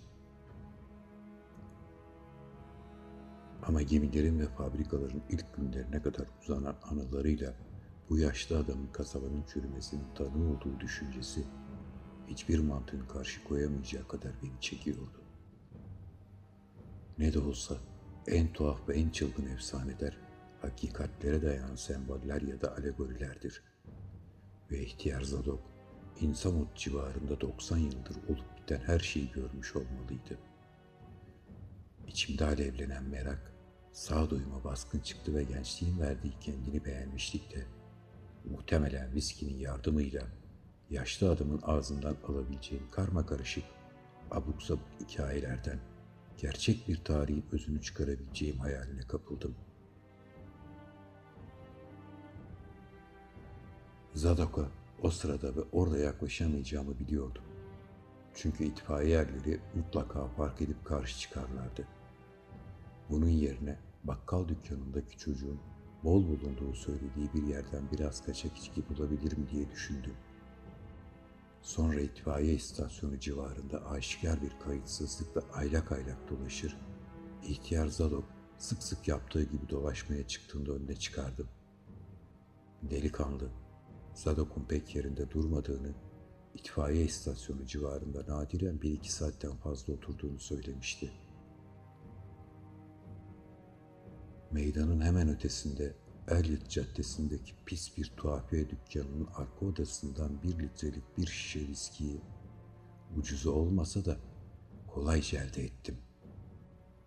Hizmet veren pis görünüşlü adam insamot görünüşüne sahip olmakla birlikte davranışları oldukça uygarcaydı. Belki zaman zaman kasabaya gelen cümbüşe meraklı yabancı, kamyoncular, altın alıcılar ve benzeri müşterilere alışkındı.'' Tekrar meydana döndüğümde şansın benden yan olduğunu gördüm. Çünkü ayaklarını sürüyerek Gilman evinin köşesinden Payne Caddesi'ne döndüğünü gördüğüm uzun, zayıf, kılıksız adam ihtiyar Zadok Allen'den başkası değildi. Planım uyarınca yeni satın aldığım şişeyi sallayarak dikkatini çektim ve biraz sonra düşünebileceğim en ıssız bölgeye doğru gitmek üzere White Caddesi'ne dönerken onun da ayaklarını sürüyerek ve istekle peşim sıra geldiğini fark ettim. Yolumu bakkal çocuğun hazırladığı haritaya göre tayin ediyor ve daha önce ziyaret etmiş olduğum tamamen terk edilmiş güney sahil bölgesine gitmeye hedefliyordum. Görünürde sadece uzak dalga kıran üzerindeki balıkçılar vardı.'' Birkaç ada güneye doğru gitmek suretiyle bunların görüş alanından çıkar ve terk edilmiş bir hırtın olacak iki kişilik bir yer bulup kimse tarafından görülmeden ihtiyar Zado'u istediğim kadar sorguya çekebilirdim. Daha ana caddeye çıkmaya kalmadan arkamdan ''Hey bayım!'' diye seslenen zayıf ve hırıltılı bir ses duydum ve yaşlı adamın bana yetişip litrelik şişeden kocaman yudumlar almasına izin verdim. Her yere egemen olana sızdığım ve çılgınca yan yapmış yıkıntılarını arasında yürürken yaşlı adamın ağzını aradım. Ancak dilinin beklediğim kadar çabuk çözülmediğini fark ettim. En sonunda ufalanmakta olan tuğla duvarların arasında denize doğru uzanan ot bürümüş bir açıklık gördüm.'' Ötesinde yabani bürümüş toprak ve taştan bir iskele bulunuyordu. Denize yakın, yosun kaplı taş yılları oturulmaya elverişli görünüyor ve kuzeydeki yıkık bir antrepo bulunduğumuz yeri olası tüm bakışlardan koruyordu. Buranın uzun sürecek gizli bir sohbet için ideal bir yer olduğunu düşünerek yol arkadaşımın önüne düştüm ve dar sokaktan aşağı inip yosunlu taşlar arasında oturulacak bir yer seçtim. Ölüm ve terk edilmişlik havası korkunç, balık kokusu dayanılmazdı. Ama hiçbir şeyin beni caydırmasına izin vermemeye kesin kararlıydım. Arkama saat sekizde kalkacak otobüse yetişeceksem önümde yaklaşık dört saat vardı. Yaşlı akşamcıya ufak ufak içki verirken ben de kendi gösterişsiz öğle yemeğimi atıştırdım. İçki ikram ederken ölçüyü kaçırmamaya özen gösteriyordum. Çünkü alkolle dili çözülen Zadon sızmasını istemiyordum. Bir saat sonra dilinin çözüleceğinin işaretlerini vermeye başladı ama hala insan uta ve gölgeli geçmişine ilişkin sorularıma kaçamak yanıtlar verdiğini görmek bende hayal kırıklığı yaratıyordu. Güncel konular üzerinde saçma sapan sözler ediyor, gazeteleri iyi takip ettiğini ve kasaba tarzı tunturaklı sözlerle felsefe yapmaya olan eğilimini açığa vuruyordu. İkinci saatin sonuna doğru bir litrelik viskimin elde etmek istediğim sonuç için yeterli olmayacağını düşünmeye başladım. Ve Zado'yu orada bırakarak gidip biraz daha içki bulmanın yerinde olup olmayacağını merak eder oldum. Ama tam o sırada şans benim sorularımın başlatamadığı konuşmayı başlattı. Hırıltılı ihtiyarın daldan dala atlayan konuşması öne doğru eğilmeme ve kulak kesimime yol açan bir mecraya girdi. Benim sırtım balık kokulu denize dönüktü. Ama onun yüzü denize bakıyordu ve etrafta gezilen bakışları o sırada bütün haşmetiyle suyun üzerinde belirmiş olan uzaklardaki şeytan kayalığının alçak hattına takıldı bir nedenle. Gördüğü şey hoşuna gitmemiş olmalıydı. Çünkü epey bir söz saydıktan sonra çok bilmiş bir edayla benden yana bakıp sırlarını fısıldamaya başladı. Bana doğru eğildi. Ceketimin yakasını tuttu ve yılan gibi ıslık çalan bir sesle aşağıdaki yanlış anlaşılması olanaksız şeyleri anlattı. Her şey burada başladı. Derin denizin başladığı yerdeki bu melanet yuvasında. Cehennem kapısı. Hiçbir sesin ulaşamadığı derinliklere baş aşağı iniş. İhtiyar kaptan Obet yaptı bunu. Güney Deniz adalarından kendisi için hiç de iyi sonuçlar doğurmayacak şeyler bulan Kaptan Obet. O sıralarda herkesin işi kötüye gidiyordu. Ticaret azalıyor. Fabrikalar hatta yenileri bile müşteri getiriyordu.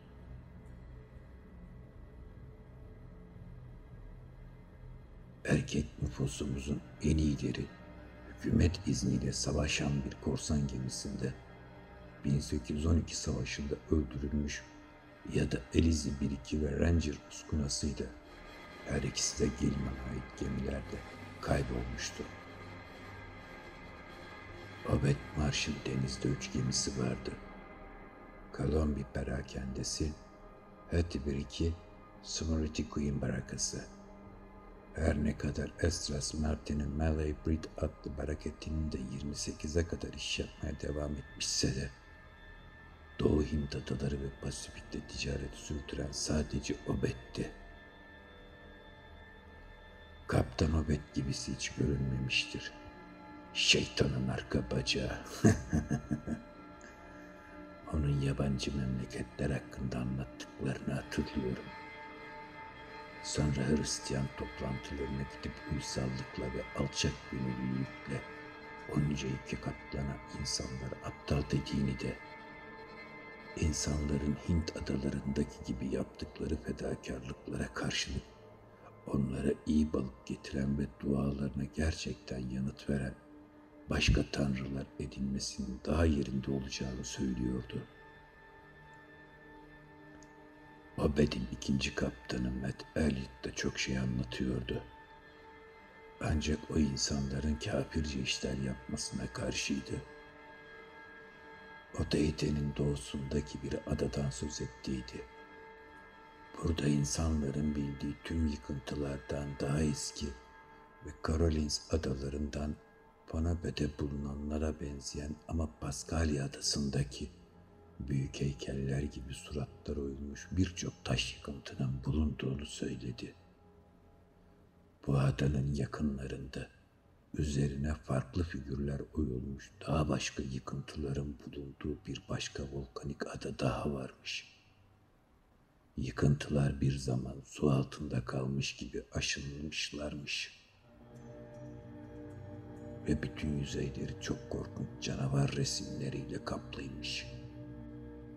Metin dediğine göre bayım adalılar istemedikleri kadar balığa sahipmiş ve tuhaf bir çeşit altından yapılmış ve küçük adadaki yıkıntıların üzerindeki canavar resimlerine benzer resimlerle süslü bilezikler, pazuventler ve başlıklar takıyorlarmış. Bütün bu zımbırtıları nereden bulduklarını onlardan kimse öğrenememiş. Ve tüm diğer yerliler en yakındaki adalarda bile balık namına bir şey bulamazken onların nasıl olup da bu kadar bol balık yakalayabildiklerine şaşıyorlarmış. Metin kendisi de bunu merak ediyormuş. Kaptan Obed de. Obed bundan başka eli yüzü düzgün yerlilerden birçoğunun her geçen yıl ortalıktan temelli kaybolduğunu ve ortalıkta pek fazla yaşlı insan bulunmadığını da fark eder.'' Ayrıca bu insanlardan bazılarının bir kanaka için bile fazlasıyla tuhaf göründüğünü düşünür. Hakikati bu kafirlerin ağzından almak Obed'in epey zamanını aldı. Bilmiyorum nasıl becerdi. Ama taktıkları o altına benzer şeylerin alışverişiyle başladı işe. Bu şeylerin nereden geldiğini, ve daha fazla temin edip edemeyeceklerini sordu onlara. Ve sonunda hikayeyi yaşlı şeften ve Rekaya'ydı adı ondan öğrendi. O yaygırıcı iblise kaptan Abed'den başka kimse inanmazdı. Ama kaptan insanları bir kitap gibi okurdu.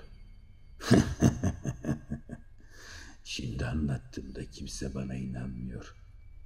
Senin de Abed gibi insanın içine nüfuz eden keskin gözlerin olduğunu görüyorum ama senin de inanacağını sanmıyorum genç adam. Yaşlı adamın fısıltısı neredeyse duyulmaz olmuştu. Hikayesinin bir sarhoşun sayıklamalarından başka bir şey olmadığını biliyor olmakla birlikte ses tonundaki iniş çıkışlarda varlığını hissettiğim korkunç ve uğursuz bir şeyler korkuyla titrememe yol açtı. Evet, dünyada insanların çoğunun hiç duymadığı, duysa bile inanamayacağı şeyler olduğunu öğrendi. Öyle görünüyordu ki bu kanakalar, delikanlılardan ve genç kızlardan bir yığınını deniz altında yaşayan bir tür tanrıya kurban ediyor ve karşılığında da her türlü lütfa kavuşuyorlardı. Onlarla üzerinde acayip kalıntılar bulunan küçük adada karşılaşmışlardı. Öyle anlaşılıyordu ki kurbağa, balık canavara ait o korkunç resimler bu yaratıkların resimleriydi. Bunlar belki de bütün deniz kızı hikayelerinde geçen ve böylesi hikayeleri başlatan mahluklardandı. Onların deniz dibinde çeşit çeşit kentleri vardı. Ve bu ada da oradan yükselmişti su yüzüne. Görünüşe göre ada ansızın su yüzeyine çıktığında o yaratıklardan bazıları taş binalarda sağdı. Kanakalar onların orada dipte olduğundan böylece haberdar oldular. Korkularını bastırır bastırmaz işaretlerle konuşmaya başladılar ve çok geçmeden bir pazarlıkta uyuştular. Bu yaratıklar insan kurbanlardan hoşlandılar. Çağlar önce insan kurbanları olmuştu. Ama bir zaman sonra yukarı dünyayla bağlantıları kopmuş, kurbanlara ne yaptıkları benim söyleyebileceğim bir şey değil. Sanmam ki Obed de bunu kafasına takmış olsun. Ama putperestler için fark etmiyordu. Çünkü zor zamanlardan geçiyorlardı ve tam anlamıyla umutsuz bir durumdaydılar. Deniz yaratıklarına olabildiğince düzenli olarak yılda iki defa Mayıs arefesinde ve Halloween'da belli sayıda genç insan veriyorlardı. Bir de kendi yaptıkları oymalı ıvır zıvırlardan veriyorlardı. Buna karşılık yaratıklarda bolca balık ve ara sıra birkaç tane o altıma benzer şeylerden vermeyi vaat ettiler. Dediğim gibi yerliler yaratıklarla küçük volkanik adada karşılaştılar. Kurbanları ve ıvır zıvırlarını kanolarla oraya götürüyor. Geri dönerken altına benzer mücevherler getiriyorlardı. Başlangıçta yaratıklar asla ana adaya gitmediler. Ama biraz zaman sonra bunu ister oldular. Halkın içine girmeyi ve büyük günlerde yapılan ayinlere katılmayı özlemiş oldukları anlaşılıyor. Gördüğün gibi suyun hem içinde hem dışında yaşayabiliyorlardı. Yani senin anlayacağın iki yaşayışlıydılar. Kanakalar onlara varlıklarından haberdar olacak olursa diğer adalıların onları yok etmek isteyeceklerini anlattılar. Ama onlar buna aldırış etmediklerini, zahmete göze alırlarsa bütün insan soyunun kökünü kurutabileceklerini, daha doğrusu kayıp eskilerin artık her kimlerse bir zamanlar kullandıkları bazı işaretleri taşımayan herkesi öldürebileceklerini söylediler. Ama bu zahmete katlanmak istemediklerinden birileri adayı ziyaret ettiğinde gizleniyorlardı. Beş kurbağa görünüşlü balıklarla eşleşmeye gelince kanakallar durakladılar. Ama sonunda meseleye yeni bir yön veren bir şey öğrendiler. Anlaşıldığı kadarıyla insanların bu deniz canavarlarıyla bir tür ilişkileri olmuştu. Bütün canlılar bir zamanlar sudan çıkmıştı ve tekrar oraya dönmeleri için gereken sadece küçük bir değişiklikti. Bu yaratıklar kanakalara, kanlarının birbirine karışması durumunda doğacak çocukların başlangıçta insana benzeyeceğini ama giderek yaratıklara dönüşeceğini ve sonunda suya girip yaratıkların aşağıdaki ana toplumuna katılacağını anlattılar. Ve işin önemli yanı şu ki genç adam, balık yaratıklara dönüşerek suya dönenler asla ölmeyecekti. Ve yaratıklar şiddete başvurarak öldürülmedikçe asla ölmüyorlardı. Öyle görünüyor ki bayım, Obed onları tanıdığında adalıların hepsi de denizin derinliklerinde yaşayan yaratıkların kanıyla doluydu. Adalılar yaşlanıp bunu göstermeye başladıklarında karayı terk ederek suya girmeye kendilerini hazır hissedinceye kadar gözlerden uzak tutuluyorlardı. Bazıları diğerlerinden daha fazla etkileniyor, bazıları ise asla suya girecek kadar değişmiyordu. Ama çoğunlukla yaratıkların dediği gibi dönüşüyorlardı. Doğuştan yaratıklara benzeyenler erken değişim geçiriyor. Neredeyse insan olanlarsa bazen yetmişini geçinceye kadar adada kalıyorlar. Ama bundan önce deneme amacıyla birçok defa aşağı inip gidip geliyorlardı. Suya girmiş olanlar genellikle sık sık karayı ziyaret ediyorlardı. Öyle ki bir adalı birkaç yüzyıl, hatta daha önce kuru toprağı terk etmiş olan beşinci kuşaktan atasıyla konuşabiliyordu. Herkes diğer adalılarla yapılan kano savaşlarının aşağıdaki deniz tanrılarına kurban verilmesinin denize girmelerine kalmadan yılan ısırması, bir salgın veya dört nala üzerlerine çullanan bir hastalık ya da başka bir şeyden neden olduğu ölümler dışında ölüm düşüncesini kafasından attı. Bir süre sonra pek de o kadar korkunç olmayan bir tür değişimi bekler oldu. Aldıkları şeylerin vermek zorunda kaldıkları şeylere değdiğini düşünüyorlardı.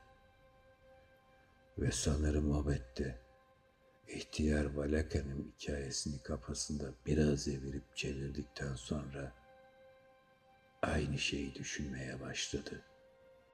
Öte yandan kral soyundan gelen ve sadece diğer adalardaki kral soyundan insanlarla evlenen Valaka hiç balık kanı taşımayan birkaç kişiden biriydi. Valaka, Abede, denizdeki yaratıklarla ilgili birçok hain ve büyü öğretti. Ve köydeki insan biçiminden epeyce uzaklaşmış bazı insanları görmesine izin verdi. Ama nedense denizden gelen yaratıklardan hiçbirini göstermedi. Sonunda abede kurşundan ya da başka bir şeyden yapılmış acayip bir zımbırtı verdi. Bu şeyin balık yaratıkları yuvalarının bulunabileceği her yerden çağıracağını söyledi. Bütün yapılacak şey gerekli sözlerle bu zımbırtıyı suya daldırmaktı. Velake bu yaratıkların bütün dünyaya yayılmış olduğunu, bu yüzden onları arayanların bir yuva bulabileceklerini ve isterlerse onları çağırabileceklerini söylüyordu. Mert bu işten hiç hoşlanmadı ve Ovet'ten adadan uzak durmasını istedi. Ama kaptanın gözüne hırs bürümüştü. Bu altın benzeri şeyleri çok ucuza alıp epey kar sağlayabileceğini görüyordu. İşler senelerce bu minval üzerine devam etti ve Obed, White'ın eski yıkık değirmeninde bir arıtım evi açacak kadar altına benzer o maddeden edindi.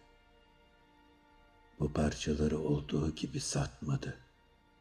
Yoksa insanlar her zaman sorular sorardı.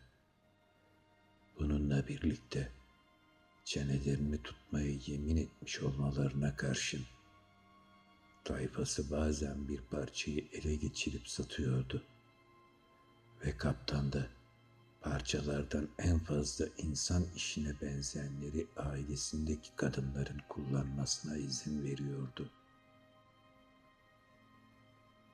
38'e gelindiğinde ben o zamanlar 7 yaşındaydım.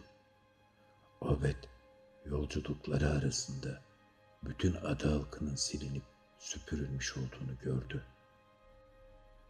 Anlaşıldığı kadarıyla diğer adalılar ne olup bittiğinin farkına varmış ve işi ele almışlardı. Sanırım ellerinde deniz yaratıklarının korktuklarını itiraf ettikleri tek şey olan eski büyülü işaretler vardı. Deniz dibi üzerinde eski mezgi yıkıntılar bulunan bir adayı yukarı fırlattığında kanakalar kendilerini neyle karşı karşıya bulacaklar bilinmez. Bunlar dindar insanlardı. Ana adada olsun, küçük volkanik adada olsun, kalıntılardan parçalanmayacakları kadar büyük olan parçalar dışında taş üstünde taş bırakmadılar. Bazı yerlerde üzerlerinde son zamanların gamalı açına benzer işaretler bulunan küçük küçük taşlar saçılıydı ortalığa. Bunlar eskilerin işaretleri olmalıydı. İnsanların kökü kazınmış altına benzer o nesneden en ufak bir iz kalmamıştı. Civarda yaşayan kanakalar öldürsem bu meseleyle ilgili tek laf etmezler. Hatta bu adada bir zamanlar insanların yaşamış olduğunu bile kabul etmezler. Normal ticaretin çok cılız olduğu da göz önünde bulundurulursa, bunun Obed için ağır bir darbe olduğu anlaşılır. Ensmouth için de ağır bir darbe oldu. Çünkü denizcilik yapıldığı günlerde bir geminin sahibine kazanç getiren bir iş, genellikle tayfasına da belli oranlarda kazanç sağlıyordu. Kasabalıların çoğunluğu durumu uysallıkla kabul edip kaderine boyun eğdi. Ama balıkçılığın tavsaması fabrikalarında iyi iş yapmaması yüzünden kötü durumdaydılar. İşte o zaman Obed, koyun gibi kafasız oldukları ve kendilerine hiçbir faydası dokunmayan Hristiyan tanrısına yakardıkları için halka lanet okumaya başladı. Onlara insanın gerçekten ihtiyaç duyduğu şeyleri veren bir tanrıya yakaran insanlar tanıdığını, kendisini destekleyecek bir grup adam olsa, bol bol balık ve epeyce altın getirecek bazı güçlere hükmedebileceğini söyledi. Pek tabii ki Cemetery Queen'de hizmet etmiş ve adayı görmüş olanlar onun ne demek istediğini şıp diye anladılar.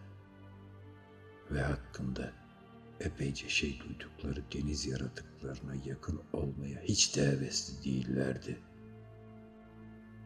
Ama her şeyden habersiz olanlar Obed'in sözlerinden heyecana kapıldılar ve sonuca ulaşmalarını sağlayacak inancın yoluna girmek için ne yapmaları gerektiğini sormaya başladılar. Bu noktada yaşlı adam omzunun üzerinden sinirli sinirli geriye bakıp sonra yeniden büyülenmiş gibi uzaklardaki kara resme gözlerini dikerek duraksadı. Anlaşılmaz bir şeyler mırıldandı ve kaygı dolu bir sessizliğe gömüldü.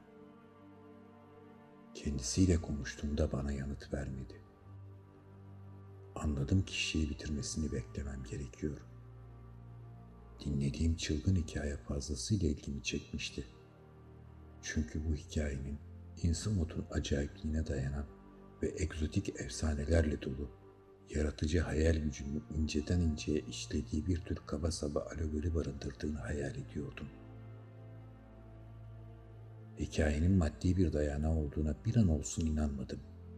Ama yine de sırf Newburyport'ta gördüğüm o iğrenç, taçla benzerlikleri çok açık olan acayip mücevherlere yaptığı göndermeler yüzünden bile olsa anlatılanlar gerçek bir dehşet yaratıyordu. Belki süslemeler tuhaf bir adadan geliyor olabilirdi. Ama çılgın hikayeler muhtemelen bu yaşta yaştan çok geçip gitmiş Obed'in kendisinin yalanlarıydı. Şişeyi Zada uzattım. O da son damlasına kadar boşalttı. Bu kadar viskiye dayanabilmesi çok şaşırtıcıydı. Yüksek perdeden çıkan hırıltılı sesinde hiçbir kalınlaşma belirtisi yoktu. Dudaklarını yalayıp şişeyi cebine attı. Sonra başını yukarı aşağı sallayarak yumuşak bir sesle fısır fısır kendi kendine konuşmaya başladı. Ağzından çıkabilecek anlaşılır her sözcüğü yakalayabilmek için öne eğildim ve rengi ağarmış, çalı gibi sakalların ardında alaycı bir gülümseme görür gibi oldum. Evet, gerçekte sözcükler oluşturuyordu ve ben bunların büyük bir kısmını anlayabiliyordum. Zavallı Matt. Matt buna her zaman karşıydı. Halkı kendi tarafına kazanmaya çalıştı ve vaizlerle uzun uzun konuştu. Boşuna. Congregational Kilisesi'nin papazını kasabadan kovdular. Metodoist olanı çekip gitti. Baptist papaz azimli Babcock'u bir daha hiç görmedim. Yahova'nın gazabı. Mini minnacık bir mahluktum. Ama göreceğimi gördüm, duyacağımı duydum. Dagon ve Ashtoret Belial ve Belzebub, altın buzağıyla Kenan Elin ve Filistin'in ilahları, Babil'e ait iğrençlikler, Mene, Mene, Tekel, Uparşin.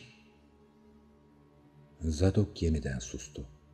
Sulu mavi gözlerindeki bakışlarından sızmak üzere olduğunu düşünerek korkuya kapıldım. Ama yavaşça omzunu sarstığımda şaşırtıcı bir çeviklikle benden yana döndü ve anlamı yeterince açık olmayan bir yığın laf sıraladı yeniden. Bana inanmıyorsun değil mi?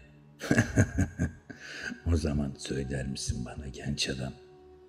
Kaptan Obet'le 20 tuhaf adamı gecenin kör karanlığında neden şeytan kayalığına kürek çekiyorlar ve rüzgar uygun olduğunda ta kasabadan duyulacak kadar yüksek sesle şarkılar terennüm ediyorlardı. Hadi söylesene bana.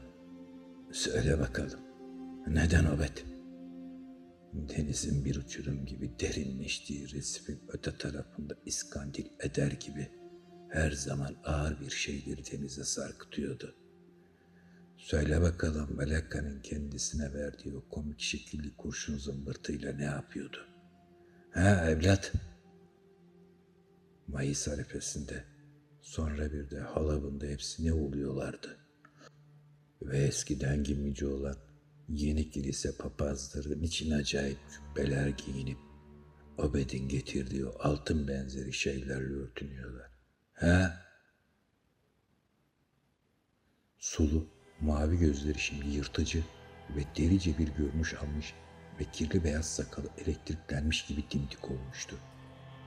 İhtiyar Zadok, ürküp geri çekildiğimi görmüş olmalıydı. Çünkü pis pis kıkırdamaya başladı. Anlamaya başladın değil mi? Belki geceleri denizden çıkan o şeyleri evimin kubbesinin üzerinden gözlemlediğim o günlerdeki benim yerimde olmak isterdin ha? Çocuk kısmının kulakları delik olur. Ben de Kaptan Ovet'le resme giden diğer adamlar hakkındaki dedikodulardan hiçbirini kaçırmıyordum. Gece olur olmaz babamın deniz dürbününü kapıp evin kubbesinin üzerine çıkıyor. Resifin üzerinde kaynaşan ve ay yükselir yükselmez suya dalan suretleri seyrediyordum. Robetli adamları yassı bir kayıktaydılar. Suretler öte tarafta derin sulara dalıyor ve bir daha gözükmüyorlardı. Bir kubbenin üzerinde tek başına oturmuş, insan olmayan suretleri seyreden bir bacaksız olmaya ne derdin ha? Yaşlı adamın tavırları giderek isterik birer almaya başlamıştı. Adını koyamadığım bir korkuyla titremeye başladım. Omzuma yağmur yumru olmuş bir pençe dayadı ve bana öyle geldi ki titremesi sırf neşeden değildi. Tut ki bir gece Obed'in resmin götesindeki kayığından ağır bir şeyin denize atıldığını görüyor ve ertesi gün bir delikanlının evinden sırla kadem basmış olduğunu öğreniyorsun. İrem Gilman'ın bir daha izine rastlayan oldu mu ha? Rastladılar mı? Yannick Pearson, Dillaway'tin, Adoniram Southwick'in ve Henry Garrison'ın ha? İşaret diliyle konuşan suretler, suretlerin gerçek elleri vardı. O günler Obed'in yeniden ayakları üzerinde durmaya başladığı günlerdi. Obed'in üç kızının üzerlerinde daha önce kimsenin görmediği altın benzeri şeyler taktığı görülüyordu. Ve arıtım evinin dumanı yeniden tütmeye başladı. Diğer adamların da refah artmaya başladı. Liman avlanmaya uygun balık kaynamaya başladı. Bir tanrı bilir Newport'a, Arkham'a ve Boston'a hangi büyüklükte kargolar göndermeye başladık. İşte o zaman Obed tali demiryolu hattını döşettirdi. Bazı Kingsportlu balıkçılar tutulan bol balığı duyunca şalapularla geldiler. Ama hepsi hepsi kayboldular. Bir daha onları gören olmadı. Bundan hemen sonra bizim buralılar Batini Dagon tarikatını kurdular ve Kalvari loncasından Mason binasını satın aldılar. Matt Elliot bir masondu ve bu satışa karşıydı.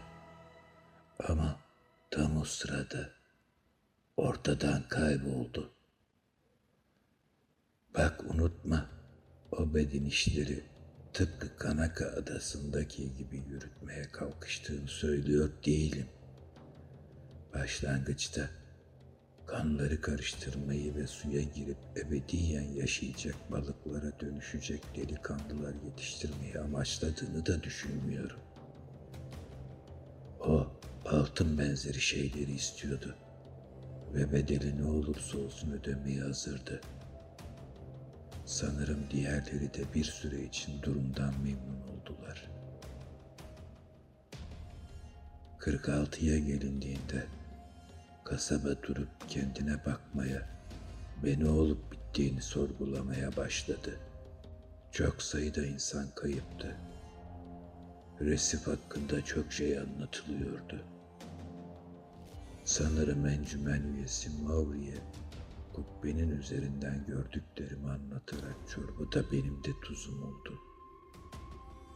Bir gece bir ekip kurarak o betli adamlarını resme kadar takip ettiler ve kayalıklardan birbirlerine ateş edildiğini duydum.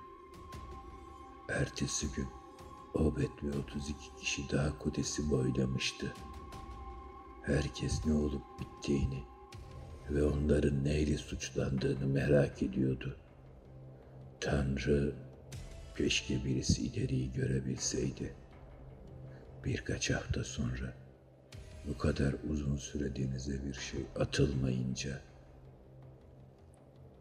Zado korku ve yorgunluk belirtileri gösteriyordu. Endişe içerisinde saatime göz atıyor olsam da bir süre sessiz kalmasına izin verdim. Deniz kabarmaya başlamıştı. Zadok dalgaların sesiyle sanki canlandı. Denizin kabarmasına sevindim. Çünkü deniz yükselince balık kokusu eskisi kadar kötü olmayabilirdi. Sonra yeniden fısıltısına kulak kabarttım. O korkunç gece onları gördüm. Kubbenin üzerindeydim. Sürüylediler. Karınca gibi kaynıyorlardı. Bütün resmi kaplamışlardı ve limandan Manükset'in içerisine doğru yüzüyorlardı. Tanrım, o gece Innsmouth sokaklarında neler oldu, neler. Kapımızı çaldılar ama babam açmadı. Sonra elinde bir çakar almazla mutfaktan dışarı süzdü. Yapabilecek bir şey var mı diye encümen üyesi Maury'i görmeye gitti.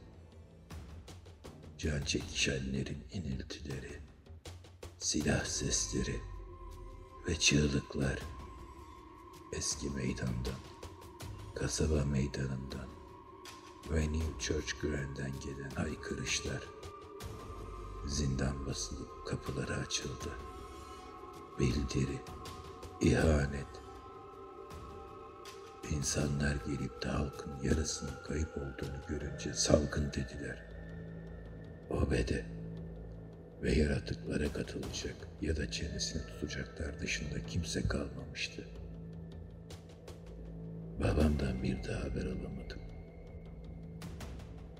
Yaşlı adam nefes nefese kalmıştı ve boncuk boncuk terliyordu. Omzumu kavrayan parmakları iyice etime gömüldü. Sabahleyin her şey temizlendi. Ama izler kalmıştı. Obet idareyi ele aldı ve her şeyin değişeceğini söyledi. Diğerleri de toplantı zamanı bizimle birlikte dua edecekler ve bazı evler konuk ağırlamak zorunda kalacaklar. Yaratıklar Kanakalarla olduğu gibi buradaki insanlarla karışmak istiyorlardı. Ve Abed kendini onları durdurmak zorunda hissetmiyordu. Abed çok ileri gitmişti. Konusu için deli olan herhangi biri, yaratıkların bize balık ve servet getirdiklerini ve özlemini duydukları her şeyi almaları gerektiğini söylüyordu. Ve dışarıdan hiçbir şey farklı olmayacaktı. Ancak kendi iyiliğimizi istiyorsak yabancılardan uzak duracaktık. Hepimiz Dagon yemin etmeliydik. Daha sonra bazılarımız ikinci ve üçüncü yeminleri de ettik. Özel bir hizmeti dokunanlar özel, altın ve benzeri armağanlar alacaktı. Direnmek fayda etmezdi. Çünkü aşağıda onlardan milyonlarcası vardı. Dışarı çıkıp insanlığı yeryüzünden silmeye niyetleri yoktu. Ama mecbur bırakılırlarsa bu yönde çok şey yapabilirlerdi. Güney denizlerinin halkları gibi onları durduracak muskalarımız yoktu. Kana kalarsa asla sır vermezlerdi.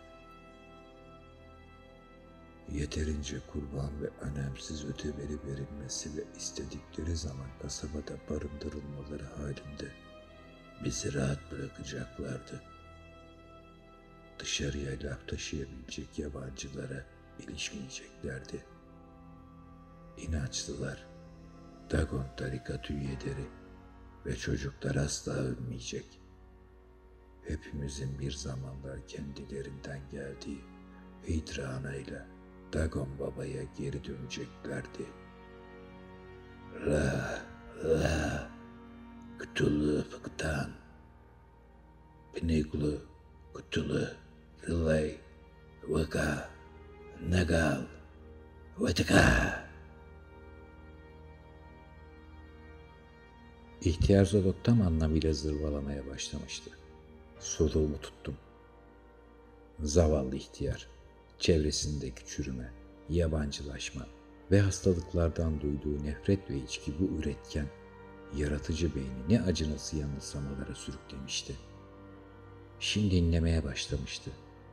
Gözyaşları derin izler açılmış yanaklarından aşağıya, sakallarına süzülüyordu.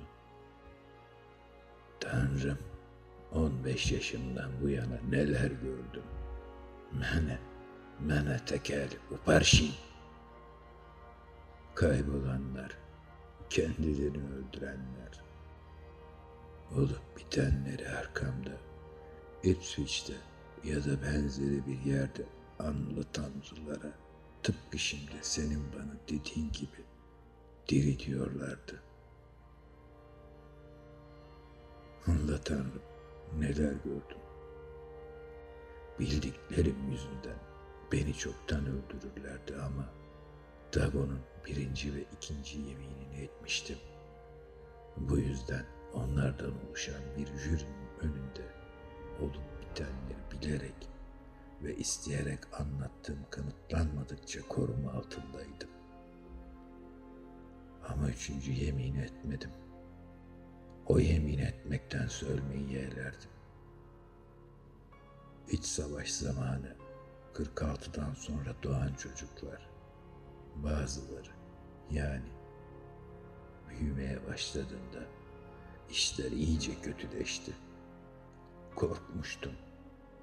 O korkunç geceden sonra bir daha hiç gözetlemeye çıkmadım ve onlardan yani safkan olanlardan hiçbirini ömrümce yakından görmedim. Savaşa gittim. Eğer azıcık cesaretim ya da aklım olsaydı asla geri dönmez. Buralardan uzak bir yere yerleşirdim. Ama bana durumun pek de o kadar kötü olmadığını yazdılar. Sanırım bunun nedeni hükümetin asker alma memurlarının 63'ten sonra kasabada olmasıydı. Savaştan sonra durum yeniden kötüleşti. Nüfus azalmaya başladı. Fabrikalar ve dükkanlar kapandı. Demiryolu kullanılmaz oldu. Ama onlar, onlar o uğursuz şeytan kayalığından nehre, nehirden şeytan kayalığına yüzmeye hiç son vermediler. Giderek daha çok sayıda tavan arası penceresi tahtalarla kapatıldı ve içerisinde kimse olmaması gereken evlerden gitgide daha çok gürültüler işitildi. Dışarıdaki insanlar hakkımızda hikayeler anlatıyorlar. Zaman zaman gördükleri şeylere ve bir yerlerden gelmeye devam eden, hala eritilmemiş olan acayip mücevherler hakkında hikayeler. Ama hiçbir şey asla kesinlik kazanmaz. Kimse hiçbir şeye inanmaz. O altın benzeri şeylere korsan definesi diyorlar. Ve insan mutluların yabancı kan taşıdığını ya da aksi insanlar falan olduklarını ileri sürüyorlar. Bundan başka burada yaşayanlar ellerinden geldiğince çok yabancıyı kaçırmaya, geriye kalanları da fazla meraklı olmamaya, özellikle geceleri etrafta dolaşmamaya zorluyorlar. Hayvanlar bu mağlupları görünce yürümemekte ısrar ediyor. Ama otomobil sahibi olduklarında işler yoluna girdi. 46'da Kaptan Abed kasabada daha önce hiç kimsenin görmemiş olduğu ikinci bir eş aldı. Bazıları kaptanın istemediğini ama onların mecbur bıraktığını söylüyorlar. Kadından üç çocuğu oldu. İkisi daha gençken kayboldu. Ama herkese benzeyen kız çocuğu Avrupa'da eğitim gördü. Obed sonunda onu bir numara çevirerek hiçbir şeyden kuşkulanmayan arkamlı bir herifle evlendirdi. Ama şimdi dışarıdan hiç kimsenin Innsmouth'ta bir ilişkisi kalmadı. Arat'ın evini şimdi yönetmekte olan Barnabas Marşlı, Obed'in ilk karısından torunudur. En büyük oğlu Onosipros'un oğlu. Ama anası diğerlerinden biriydi ve hiç kapı dışarı çıktığı görülmedi. Şimdi Barnabas değişimini neredeyse tamamlamış durumda. Artık gözlerini kapatamıyor ve şekli şemali iyice değişti. Hala elbiseler giydiği söyleniyor. Ama suya girme zamanı yaklaştı. Belki de bunu denemiştir bile. Temelli olarak suya girmeden önce bazen kısa süreler için bunu yaparlar. On yıldır ortalarda görünmüyor. Zavallı karısının neler hissettiğini bilmiyorum. Kadın Ipswich'te 50 küsur yıl önce onunla flört ettiğinde Barnabas'ı neredeyse linç ediyorlardı. Obed 78'de öldü ve sonraki nesilden hiç kimse kalmadı. İlk eşinden olan çocukları öldü. Geri kalanlar da Tanrı bilir. Yükselmeye başlayan dalgaların sesi şimdi çok ısrarlı bir hal almıştı ve yavaş yavaş yaşlı adamın ruh hali sulu gözlü bir sarhoşluktan diken üstünde bir korkuya dönüşüyor gibiydi. Arada bir durup omzun üzerinden geriye veya resfe doğru endişeli bakışlar atıyordu. Hikayesinin son derece saçma olmasına karşın ne olduğu açıkça anlaşılmayan kaygılarına katılmaktan kendimi alamıyordum.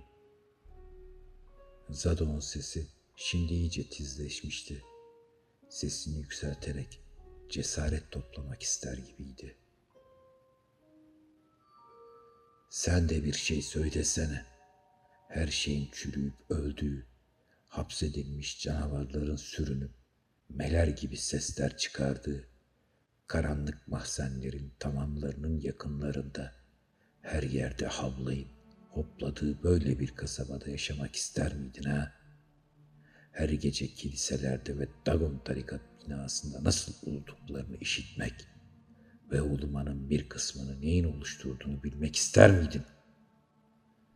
O korkunç resiften her Mayıs arifesinde ve Halloween'da neyin geldiğini duymak ister miydin? Yaşlı adamın deli olduğunu düşünüyorsun değil mi? Sana söylemeliyim ki bayım, en kötüsü bu değil. Zadok şimdi gerçekten haykırıyordu.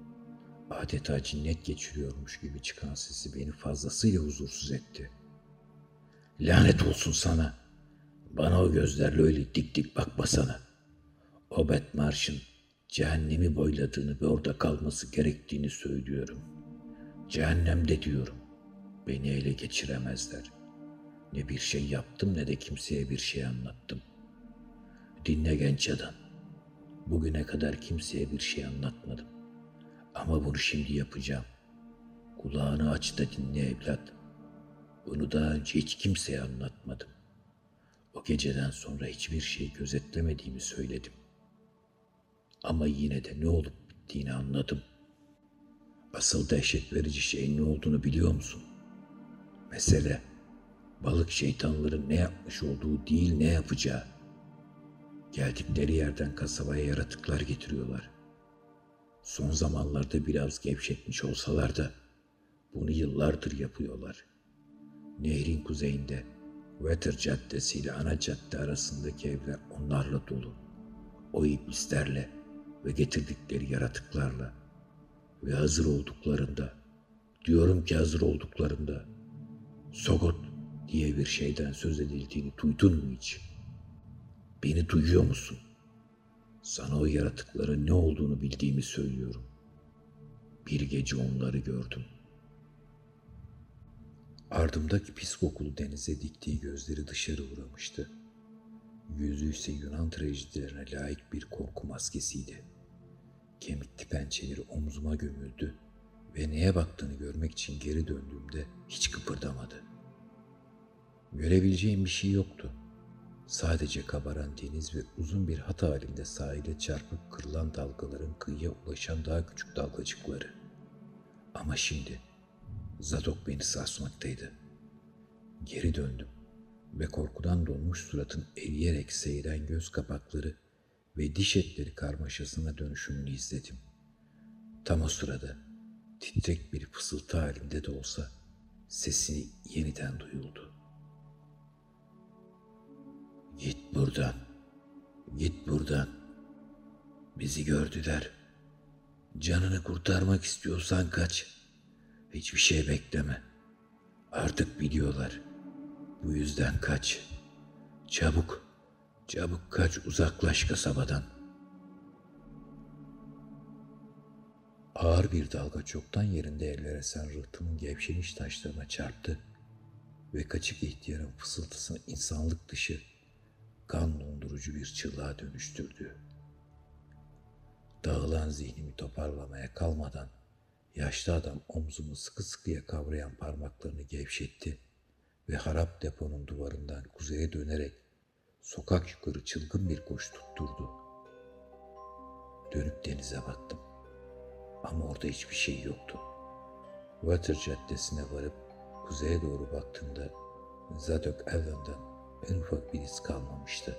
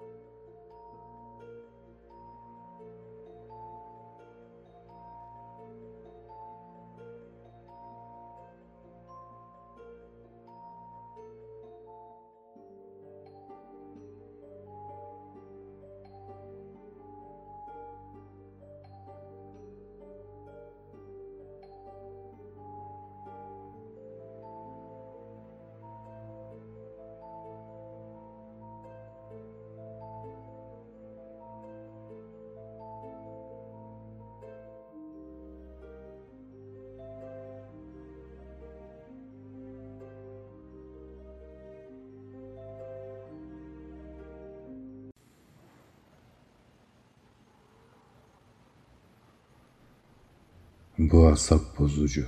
Aynı anda hem çılgınca, hem acınası, hem acayip hem de dehşet verici olaydan sonra içinde bulunduğum ruh halini anlatmakta zorlanıyorum.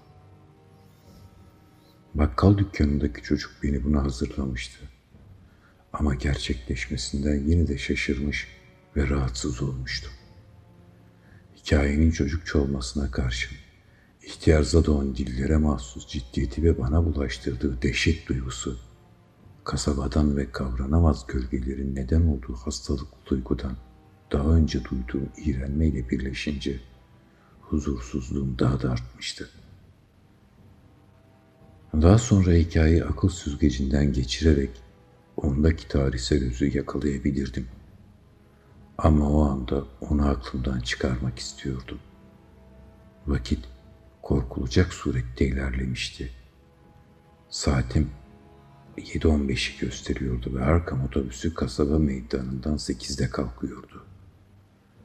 Bu yüzden düşüncelerime mümkün olduğunca çeki düzen vererek valizimi emanet bıraktığım ve otobüsü bulacağım otele doğru her iki yanında çatıları delinmiş, yan yatmış evlerin sıralı olduğu ıssız sokaklardan hızlı hızlı yürüdüm. Batmakta olan güneşin altın sarısı ışığı eski çatılara ve harap bacalara gizemli bir letafet ve huzur havası veriyor olsa da arada bir omzumun üzerinden geriye bakışlar atmaktan kendimi alamıyordum. Korkunun gölgeleriyle dolu ve pis kokulu Innsmouth'tan çekip gitmekte elbette büyük bir hoşnutluk duyacaktım. Ayrıca o uğursuz görünüşlü Sergeant itinden başka birinin kullandığı bir araç bulmayı çok isterdim. Yine de tam anlamıyla koşmuyordum. Çünkü her sessiz köşede seyre değer mimari ayrıntılar vardı. Ve gideceğim yere yarım saatte rahat rahat ulaşabileceğimi hesaplıyordum. Bakkal çocuğun haritasını inceleyip daha önce geçmediğim bir yol arayarak kasaba meydanına yaklaşmak amacıyla State Caddesi yerine Merş Caddesi'ni seçtim. Pol Caddesi'nin köşesine yakın sinsi sinsi fısıldaşan gruplar gördüm şurada burada. Ve nihayet meydana vardığımda aylakların neredeyse tümünün Cilman evinin kapısı civarında toplaşmış olduğunu gördüm. Lobiden valizimi isterken bana öyle geldi ki birçok pörtlek, sulu ve kırpılmayan göz tuhaf bir şekilde beni süzmekteydi. Bu nahoş yaratıklardan hiçbirinin otobüste bana yol arkadaşlığı yapmamasını yürekten diledim. Otobüs sekizden önce vakitlice ve üç yolcusuyla tangırdayarak girdi meydana ve kaldırımdaki kötü görünüşlü bir adam şoföre anlaşılmaz bir takım laflar söyledi. Sergeant dışarı bir posta torbası ve bir tomar gazete fırlatıp otele girdi.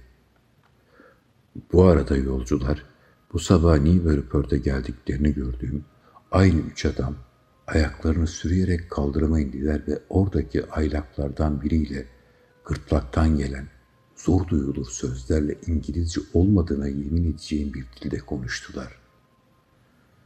Boş otobüse binip daha önce oturduğum koltuğa oturdum. Ama daha yerime yeni yerleşmiştim ki Sergeant yeniden belirdi ve gırtlaktan gelen iğrenç bir sesle bir şeyler mırıldanmaya başladı. Çok şanssız bir günde olduğum anlaşılıyordu. Otobüs Newburyport'tan tam zamanında gelmiş olmasına karşın motorunda bir arıza vardı.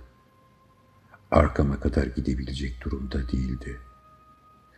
Yo, bu gece onarılamazdı ve Innsmouth'tan arkama ya da herhangi bir yere gitmenin başka bir yolu yoktu. Sergeant üzgündü ama bu gece Cilman evinde kalmak zorundaydım. Resepsiyon görevlisi herhalde fiyat konusunda bana bir iyilik yapardı. Ama yapacak başka bir şey yoktu. Ansızın ortaya çıkan bu engel karşısında şaşırmış ve çürümekte olan yarı aydınlatılmış bu kentte gecenin çökmesinden dehşetli korkmuş bir halde otobüsten inip yeniden otel lobisine girdim.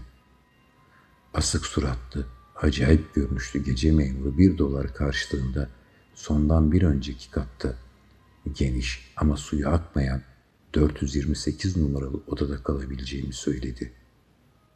Bu otel hakkında Newburyport'ta duymuş olduğum şeylere karşın kayıt defterini imzaladım, bir dolarımı ödedim.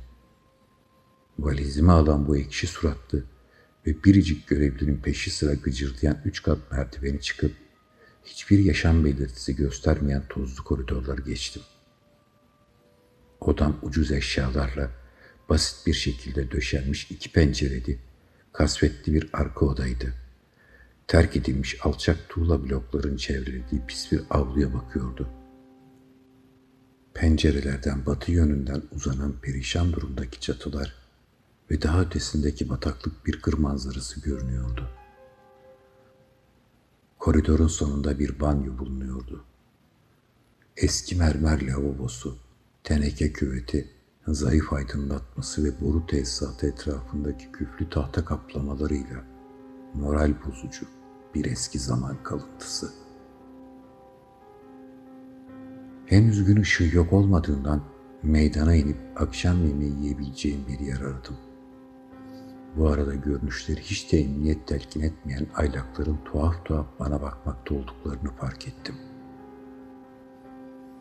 Bakkal dükkanı kapanmış olduğundan daha önce girmeye çekindiğim lokantanın müşterisi olmak zorunda kaldım. Kırpılmayan gözleriyle dik dik bakan kamburu çıkmış, dar kapalı bir adamla inanılmayacak kadar kalın, beceriksiz elleri olan bir hizmetçi kız hizmet vermekteydi. Büfe tarzı servis yapılıyordu. Konserve ve paketlenmiş yiyecek servis yapıldığını görmek beni fazlasıyla rahatlattı. Krakerlerle bir kase sebze çorbası bana yeterliydi. Biraz sonra yıkıldı yıkılacak bir büfedeki suratsız bir adamdan bir akşam gazetesi ve sinek pislikleriyle dolu bir dergi satın alarak sevimsiz odamın yolunu tutmuştum. Alacakaranlık koyulurken ucuz demir karyolanın üzerinde bulunan ve cılız bir ışık veren elektrik ampulünü yakarak başladığım okumayı sürdürmeye çalıştım elimden geldiğince. Zihnimi bir şeylerle meşgul etmenin yerinde olacağını hissediyordum. Zira hala sınırları içindeyken bu köhne, bu felaketin gölgesi düşmüş kasabanın anormallikleri üzerinde kuma kuşu gibi düşüncelere dalmak pek hayır getirmeyecekti.'' İhtiyar yaştan dinlediğim çılgın hikaye pek hoş düşler vaat etmiyordu ve onun çılgın, sulu gözlerini elimden geldiğince hayalimden uzak tutmak gerektiğini hissediyordum. Bundan başka o fabrika müfettişinin Newburyport'taki biletçiye Cilman evi hakkında ve sakinlerinin geceleyin çıkardığı sesler hakkında anlattıkları üzerinde de durmamalıydım. Ne bunun üzerinde ne de kilisenin karanlık kapı aralığında gördüğüm tacın altındaki çehre üzerinde. O da insan içini karartacak kadar köhne olmasaydı, düşüncelerimi rahatsız edici konulardan uzak tutmak belki daha kolay olacaktı. Ama bu köhnelik kasabanın her tarafında kendini hissettiren iğrenç balık kokusuyla birleşince, insanın düşünceleri ısrarla ölüm ve çürümeye odaklanıyordu.'' Beni huzursuz eden başka bir şey de odamın kapısında bir sürgü bulunmamasıydı. İzlerin açıkça gösterdiği gibi yakın bir zamanda sökülmüşe benzeyen bir sürgüsü olmalıydı önceden. Bu harap yapıdaki birçok şey gibi şüphesiz o da kullanılmaz hale gelmişti. Sinirle etrafı karıştırdım ve elbise dolabında aynı boyda gözüken bir kapı sürgüsü buldum.'' Üzerindeki izlerden kapıdan sökülen sürgü olduğuna hükmettim. Biraz rahatlamak için anahtar halkamda taşıdığım kullanışlı bir üçlü alet seti içerisindeki tornavida yardımıyla bu parçayı kapıdaki eski yerine vidalamaya giriştim. Sürgü kapıya mükemmel uydu. Yatacağım zaman kapıyı sağlamca sürgüleyebileceğimi anladığımda biraz olsun rahatladım. Endişelenmemin nedeni ona gerçekten iş düşeceğini düşünmem değildi. Ama böylesi bir çevrede emniyet telkin eden her şey makbule geçerdi. Bitişik iki yan odaya açılan kapıların üzerinde uygun sürgüler vardı. Yürüyüp bunları sürgüledim. Soyunmadım. Uykum gelinceye kadar okumaya, sonra da sadece ceketimi Gömleğimin yakalığını ve ayakkabılarımı çıkararak yatağa uzanmaya karar verdim. Valizimden bir el feneri çıkararak daha sonra karanlıkta uyanacak olursam saatime bakabileyim diye pantolon cebime koydum. Ancak bir türlü uykum gelmedi. Okumaya ara verip düşüncelerimi çözümlediğimde aslında bilincine varmadan bir şeyi, korktuğum ama adını koyamadığım bir şeyi dinlemekte olduğumu fark ettim huzursuzlukta. Şu fabrika müfettişin hikayesi hayal gücümü sandığımdan daha fazla etkilemiş olmalıydı. Yeniden okumayı denedim. Ama olmuyordu. Bir süre sonra belirli aralıklarla merdivenleri ve koridorları gıcırtatan ayak sesleri duyar gibi oldum. Ve diğer odaların dolmaya başlayıp başlamadığını merak ettim. Ama hiç insan sesi yoktu. Birden aklıma bu gıcırtılarda çok sinsice bir yan olduğu fikri düştü. Bundan hiç hoşlanmadım ve hiç uyumamanın daha yerinde bir davranış olup olamayacağını ciddi olarak kafamda tarttım. Bu kasabada bir takım acayip insanlar vardı ve bazı insanların kaybolmuş olduğuna ise hiç şüphe yoktu. Acaba burası yolcuların paraları uğruna boğazlandığı o hanlardan mıydı? Pek öyle zengin görünmediğim kesindi. Yoksa kasabalılar meraklı yabancılara çok mu fazla kızıyorlardı? Sık sık elimdeki haritaya göz atarak göstere göstere etrafta dolaşmam birilerinin hoşuna mı gitmemişti?'' Birkaç rastgele gıcırtının beni bu tarz düşünceler yürütmeye yönelmiş olması için sinirlerimin hayli gergin olması gerektiği aklıma geldi. Ama yine de silahsız oluşuma üzüldüm. Sonunda uykuyla hiçbir ilişkisi olmayan bir yorgunluk duyarak salona açılan kapıdaki yeni monte ettiğim sürgüyü sürdüm. Işığı söndürdüm ve kendimi sert, çakır çukur yatağın üzerine attım.'' Ceketim, gömlek yakalığım, ayakkabılarım ve her şeyimle. Karanlıkta gecenin en hafif sesi sanki büyüyordu. Öncekinin iki misli hoş düşünceler bir sel gibi üzerime çullandı. Işığı söndürdüğüme pişman olmuştum. Ama yeniden kalkıp yakamayacak kadar yorgundum. Sonra korku verici, uzunca bir aradan sonra merdivenlerden ve koridordan gelen yeni gıcırtılara takiben bütün kaygılarımın gerçekleşmekte olduğunu gösteren o yumuşak, o yanlış anlaşılmaya meydan vermeyen ses geldi. Kapımın kilidinin bir anahtarla dikkatlice, sinsice, yoklayarak zorlanmakta olduğuna en ufak bir kuşku yoktu.'' Gerçek tehlikenin bu işaretini tanıdığımdaki hislerim, daha önceki nedeni belirsiz korkuların doğduğu hislere kıyasla daha az fırtınalıydı. Daha önce belirli bir nedeni olmaksızın içgüdüsel olarak tetikteydim. Ve şimdi karşı karşıya olduğum gerçek kriz her neye dönüşecek olursa olsun bu benim lehimeydi. Bununla birlikte tehlikenin belirsiz bir önsezden yakın bir gerçekliğe dönüşmesi büyük bir şoktu ve üzerimde sahici bir darbe etkisi yarattı. Kapının yoklanmasının bir yanlışlık olabileceğini bir an olsun düşünmedim. Bunu sadece ve sadece kötü niyete yordum ve davetsiz misafirimin bir sonraki hareketini ölümcül bir sessizlik içerisinde bekledim.'' Bir süre sonra sakınımlı tıkırtılar kesildi ve kuzeydeki odanın kapısının anahtarla açıldığını duydum. Sonra o odayı benimkine bağlayan kapının kilidi yavaşça yoklandı. Bereket versin ki sürgülüydü. Gizli gizli gezinen kişi odadan çıkarken döşemenin gıcırdadığını işittim. Biraz sonra bir başka yumuşak tıkırtı işitildi. Anladım ki güneyimdeki odaya girilmişti.'' Yine aradaki kapının kilidi sakınımla yoklandı. Yine döşemeyi gıcırtatan ayak sesleri uzaklaştığı işitildi. Bu defa gıcırtı koridor boyunca ilerleyip merdivenden aşağı indi. Böylece kapıların sürgülü olduğunu gören meçhul ziyaretçimin çabasından ya da kısa bir süre bunu ileride görecektik. Vazgeçmiş olduğunu anladım. Bir eylem planına bu denli hazırlıklı oluşum, bilincine varmadan böyle bir tehditten korktuğumu ve saatlerdir olası kaçış yollarını düşündüğümü kanıtlıyordu. Kapımı yoklayan, görmediğim şeyin, insanın karşısına alacağı ya da uğraşacağı değil, olabildiğince hızlı kaçması gereken bir tehlike olduğunu daha başında hissetmiştim. Yapılacak tek şey, ön merdivenlerden ve lobiden geçmeden mümkün olduğunca çabuk ve sağ olarak bu otelden çıkmaktı. Valizimi almadan hızla kaçmak üzere bazı eşyalar seçmek amacıyla yavaşça yerimden kalkıp cep fenerimin ışığıyla yatağımın baş ucundaki lambanın düğmesini arandım.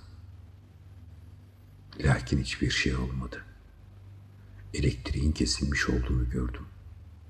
Ne olduğunu bilmediğim, gizemli, kötücül ve büyük çaplı bir hareketin tezgahlandığı aşikardı. Elim artık hiçbir işe yaramayan elektrik düğmesi üzerinde derin düşünceler içerisinde dururken alt kattan boğuk gıcırtılar duydum ve bu seslere güç bela ayırt edilebilen konuşma sesleri eşlik ediyor gibi geldi bana. Bir an sonra derinlerden gelen bu seslerin insan sesi olduğundan pek o kadar emin değildim. Zira bu kısık avlamaların ve heceli oldukları su götürür kurbağa seslerinin insan sesiyle uzaktan yakından bir ilişkisi yoktu. O zaman fabrika müfettişinin bu köhne ve tehlikeli binada geceliğin işitmiş olduğu şeyleri daha bir kuvvetli anımsadım. El fenerimin ışığında ceplerimi doldurduktan sonra şapkamı başıma geçirip iniş şansı olup olmadığını görmek üzere ayak uçlarımda pencereye yanaştım. Eyaletin emniyet yönetmenine karşın otelin bu tarafında yangın merdiveni yoktu ve penceremle taş döşeli avlu arasında dimdik aşağı inen tam üç kat bulunuyordu. Bununla birlikte eğimli çatıları dördüncü kat penceresinden atlayabileceğim bir yüksekliğe ulaşan tuğladan bazı eski dükkan dizileri sağdan ve soldan otele bitişiyordu. Bu dükkan dizilerinden birinin üzerine atlayabilmek için bulunduğum odanın iki güneyindeki ya da iki kuzeyindeki odalardan birinde olmam gerekiyordu. Hemen bu odalara geçebilme şansımın ne olduğunu hesaplamaya giriştim. Ayak seslerimin mutlaka duyulacağı koridora çıkma riskini göze alamayacağıma karar verdim. İstediğim odaya girmek isterken karşılaşacağım güçlüklerin üstesinden gelemezdim. Eğer bu odalardan birine doğru ilerleyeceksem, odaları birbirine bağlayan, gerektiğinde kilit ve sürgülerini omuzlayarak kırabileceğim daha az sağlam ara kapılardan geçmeye çalışmalıydım. Binanın ve metal aksamının eskiliği yüzünden bunun mümkün olabileceğini düşündüm. Ama gürültüsüzce yapılmayacağının farkındaydım. Tamamen hızıma ve düşman bir gücün harekete geçip doğru kapıyı anahtarla açmasından önce bir pencereye ulaşma şansıma güvenecektim ister istemez.''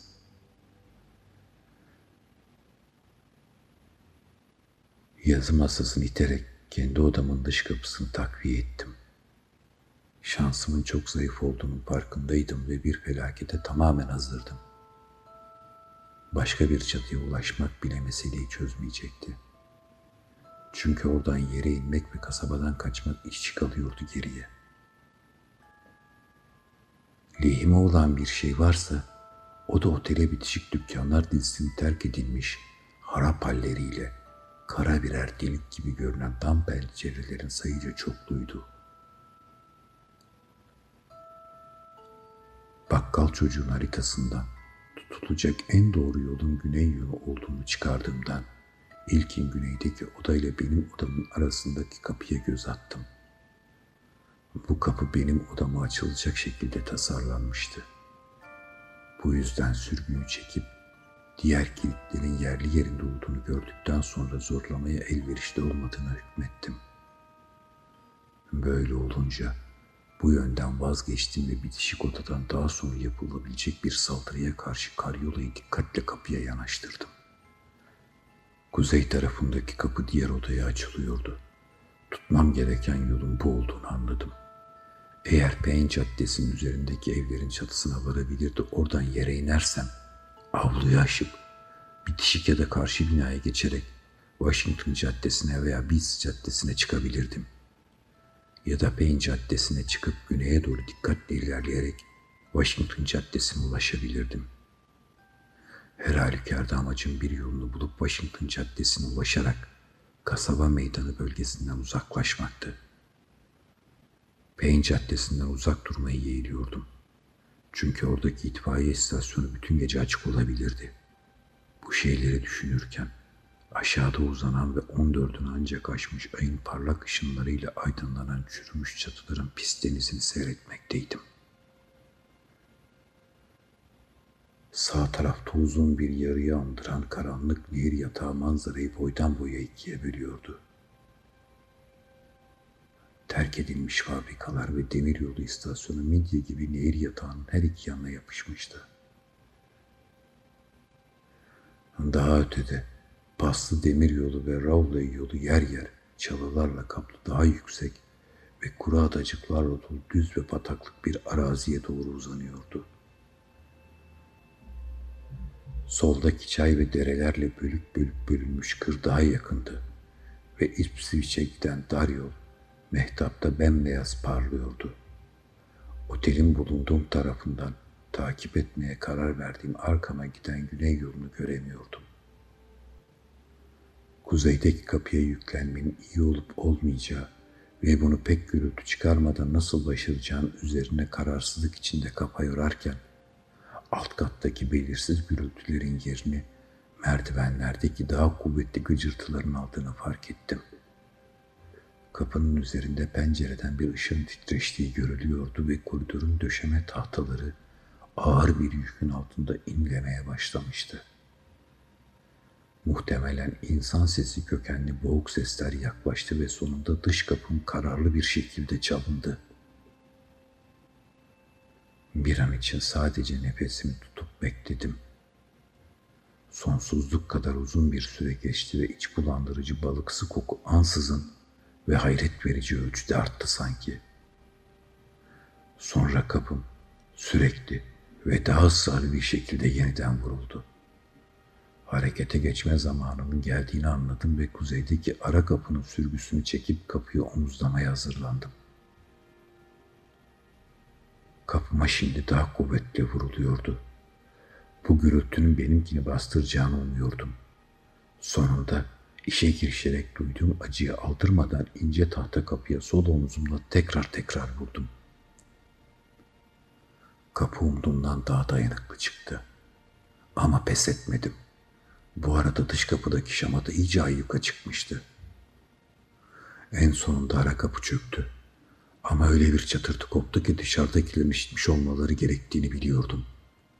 Kapıdaki vuruşlar anında şiddetli darbelere dönüşürken her iki yandaki odaların koridor kapılarında denenen anahtarların uğursuz seslerini işittim. Yeni açılan geçitten bir hamlede kuzeydeki odaya geçip koridor kapısı anahtarla açılmadan önce sürgüsünü sürmeyi başardım. Ama ben bunu yaparken üçüncü odanın koridor kapısının anahtarla açılmaya çalışıldığını işittim. Bir an için tam bir umutsuzluğa kapıldım. Çünkü hiçbir çıkış penceresi bulunmayan bir odada kapana kısılmış gibiydim. Neredeyse anormal bir dehşet dalgası bütün benliğimi kapladı. El fenerinin ışığı biraz önce bu odaya girerek odamın kapısını bu taraftan zorlayan kişinin dehşet verici ve garip ayak izlerini aydınlatıyordu. Sonra ötedeki koridor kapısının kilidi dışarıdan açılmadan önce yetişip sürgüsünü sürmek için umutsuzluğuma karşın hala varlığını sürdüren yarı şuursuz, istem dışı bir harekette bir sonraki ara kapıya doğru atıldım ve şuursuzca ettim. Geçici kurtuluşum sırf şans eseriydi. Çünkü ara kapı kilitli olmak bir yana yarı aralıktı. Saniyede odaya dalmış, sağ dizimde omzuma açılmakta olan koridor kapısına dayamıştım. Ansızın abanışım, kapıyı açmakta olan kişiyi hazırlıksız yakalamış olmalıydı. Çünkü itmemle kapı kapandı ve iyi bir durumdaki sürgüyü diğer kapıdaki gibi hemen yerine ittim.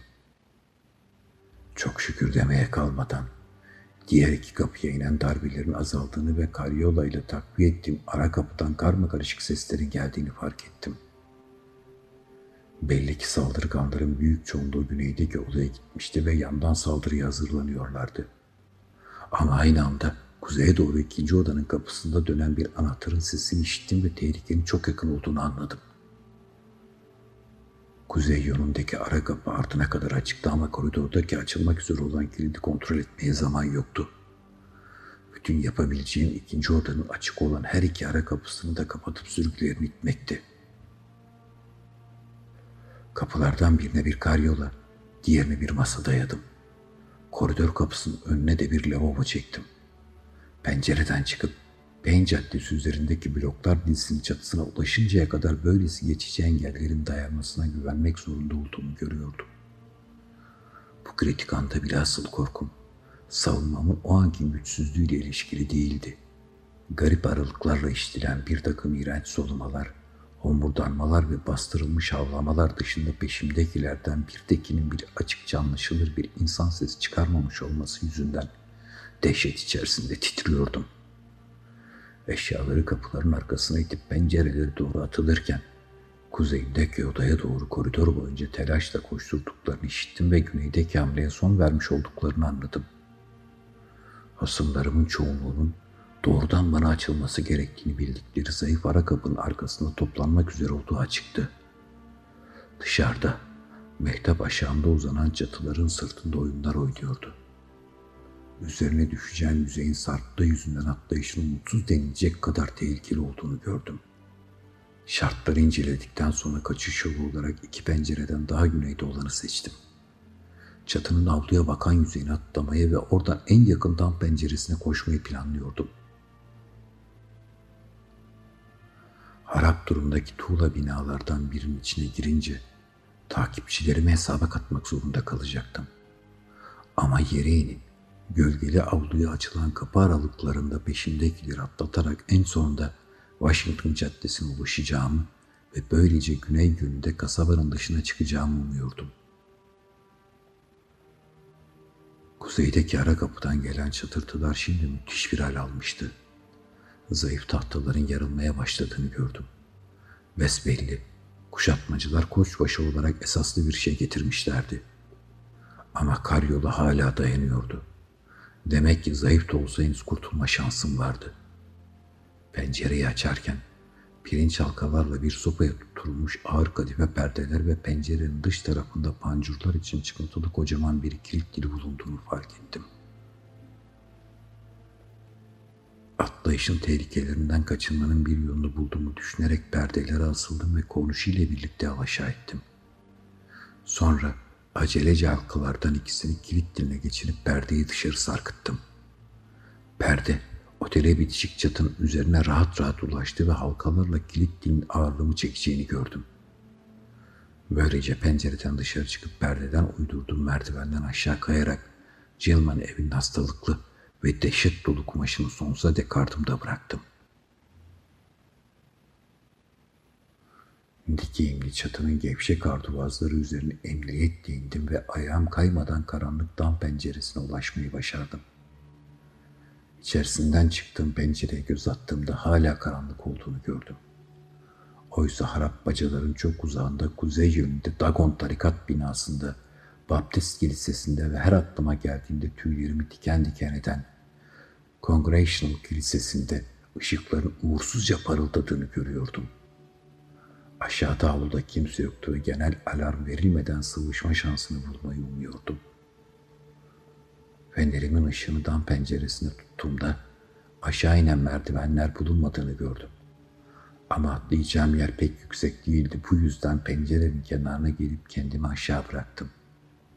Kırık dökük kutularla ve varillerle dolu tozlu bir zemine düştüm. Şimdi bulunduğum yerin görüntüsü insanın tüylerini diken diken edecek türdendi. Ama böylesi düşüncelerle oyalanacak durumda değildim.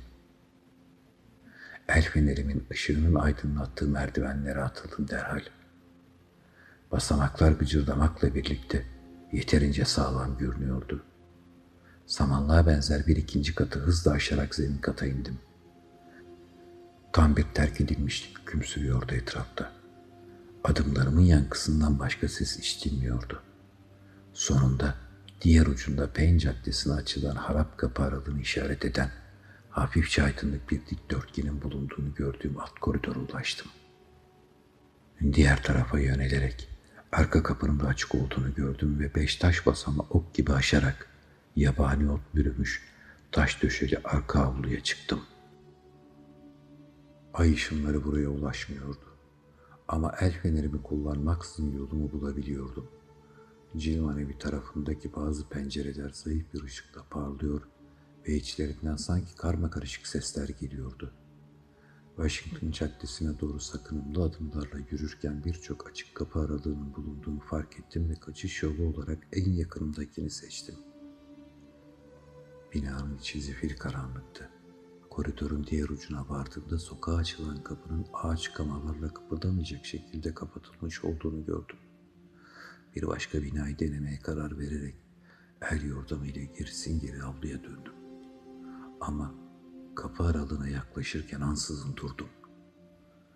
Çünkü Cilmane evinin açılan bir kapısından acayip bir gürültü sokağa akıyordu.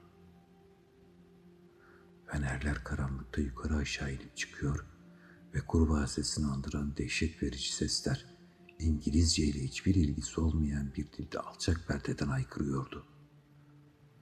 Kararsızlık içerisinde ilerliyorlardı. Bundan nereye gittiğimi bilmedikleri sonucunu çıkararak rahatladım. Ama yine de bütün bunlar içimi ürpertiyle dolduruyordu. Yüzleri seçilmiyordu. Ancak çömelmeleri, ayaklarını sürüyerek yürümeleri son derece iticiydi. Ve en kötüsü adamlardan birisinin çok garip bir kaptan giyinmiş ve hiçbir yanılgıya yer vermeyecek tarzda şekli bana aşina olan uzun bir taç takmış olduğunu fark ettim. Adamlar avluya yayılırken korkularımın arttığını hissettim. Bu binadan sokak tarafına bir çıkış bulamazsam ne yapardım? Balık su koku çok iğrençti. Bayılmadan dayanabilmiş olmama şaştım. Yeniden sokağa doğru el yordamıyla ilerledim ve koridordaki kapılardan birini açarak pencereleri çerçevesiz ancak kepenkleri sıkıca kapalı olan boş bir odaya girdim. El fenerimin ışınlarının sağında solunda gezdirirken sonra kepenkleri açabileceğimi gördüm. Bir an sonra pencereden dışarı çıkmış, kepenkleri dikkatle eski haline getiriyordum. Şimdi Washington Caddesi'ndeydim ve o an için ortalıkta ne bir canlı vardı ne de ay ışığı dışında bir ışık görüyordum. Ama çeşitli yönlerden boğuk bağırtılar, ayak sesleri ve ayak sesine pek benzemeyen acayip patırtılar duyuluyordu uzaktan uzağa. Kaybedecek zamanımın olmadığı açıktı. Pusulanın taksimatını rahatça görebiliyordum ve mehtaplı gecelerde yoksul kırsal bölgelerde adet olduğu üzere bütün sokak lambalarının sönük olmasından hoşnuttum. Seslerin bazıları güneyden geliyordu. Yine de bu yönde kaçma niyetimden caymadım. Peşime düşmüş olanlara benzeyen bir kişiyi veya bir grubu görecek olursam beni gizleyebilecek çok sayıda terk edilmiş kapı aralığı bulabileceğini biliyordum. Harap evlere yakın durarak ayak uçlarımda hızlı hızlı yürüyordum. Çetin tırmanışımdan sonra şapkam gitmiş ve saçım başım darmadağınık da olsa pek dikkat çekici bir görünüşüm yoktu. Tesadüfen yoldan geçen birisiyle karşılaşacak olsam bile bana aldırış etmeden geçip gitmesi ihtimali çok yüksekti. Beys Caddesi'nde ayaklarını sürüyen iki kişi önünden geçerken açık bir bina girişine sığındım. Ama kısa bir süre sonra oradan çıkıp yeniden yola koyuldum ve Elliot Caddesi'nin Washington Caddesi'ni güney kavşağında açı yaparak kestiği açık alana yaklaştım. Burayı daha önce görmemiş olmakla birlikte bakkal çocuğun haritasında tehlikeli görünmüştü bana. Çünkü ay ışığı burada tam bir hareket serbestliğine kavuşuyordu. Buradan kaçılmaya çalışmak da bir işe yaramazdı. Çünkü başka bir yolu denemek büyük bir olasılıkla görülmem gibi bir felaketle sonuçlanacak ve gecikmeme yol açacak dolambaçlı yolları içerecekti. Yapılacak tek şey Innsmouth'ların tipik ayak sürüşlerini elinden geldiğince taklit ederek kavşağa cesaretle ve açıkça geçmek ve orada hiç değilse peşimdekilerden kimsenin olamayacağına güvenmekti. Takibin ne derece örgütlenmiş olduğu hakkında hiçbir fikrim yoktu. Kasabada alışılmadık bir hareketlilik var gibiydi. Ama Cilman evinden kaçmış olduğum haberin henüz yayılmamış olduğuna hükmettim. Oteldeki grup izimi sürüyor olacağından çok geçmeden Washington Caddesi'nden güneydeki bir başka caddeye geçmek zorunda kalacaktım herhalde. Son girdiğim eski binada caddeye nasıl çıktığımı belli eden ayak izleri bırakmış olmalıydım tozlarda. Açık alan tahmin ettiğim gibi ay ışığına boğulmuştu. Ortasındaki parkı andırır demir parmaklıklı bir yeşilliğin kalıntısını gördüm. Bereket versin etrafta kimse yoktu. Ama kasaba meydanı yönünden gelen tuhaf bir vızıltı ya da gümbürtü giderek güçlenmekteydi. Hafif bir eğimle doğrudan liman mahallesine inen ve deniz yönünde engin bir manzarayı gözler önüne seren Saat Caddesi çok gelişti. Ayın parlak ışıkları altında orayı geçerken uzaktan kimsenin seyretmiyor olması için dua ettim. Kimse yolumu kesmedi ve görünmüş olduğumu belli eden hiçbir yeni ses yükselmedi. Etrafıma bakındığımda ayın parlak ışınları altında muhteşem bir görüntüsü olan sokağın ucundaki denize bir an bakmak için elimde olmadan adımlarımı yavaşlattım. Dalga kıranın açığında şeytan kayalığının kasvetli karanlık silüeti görünüyordu.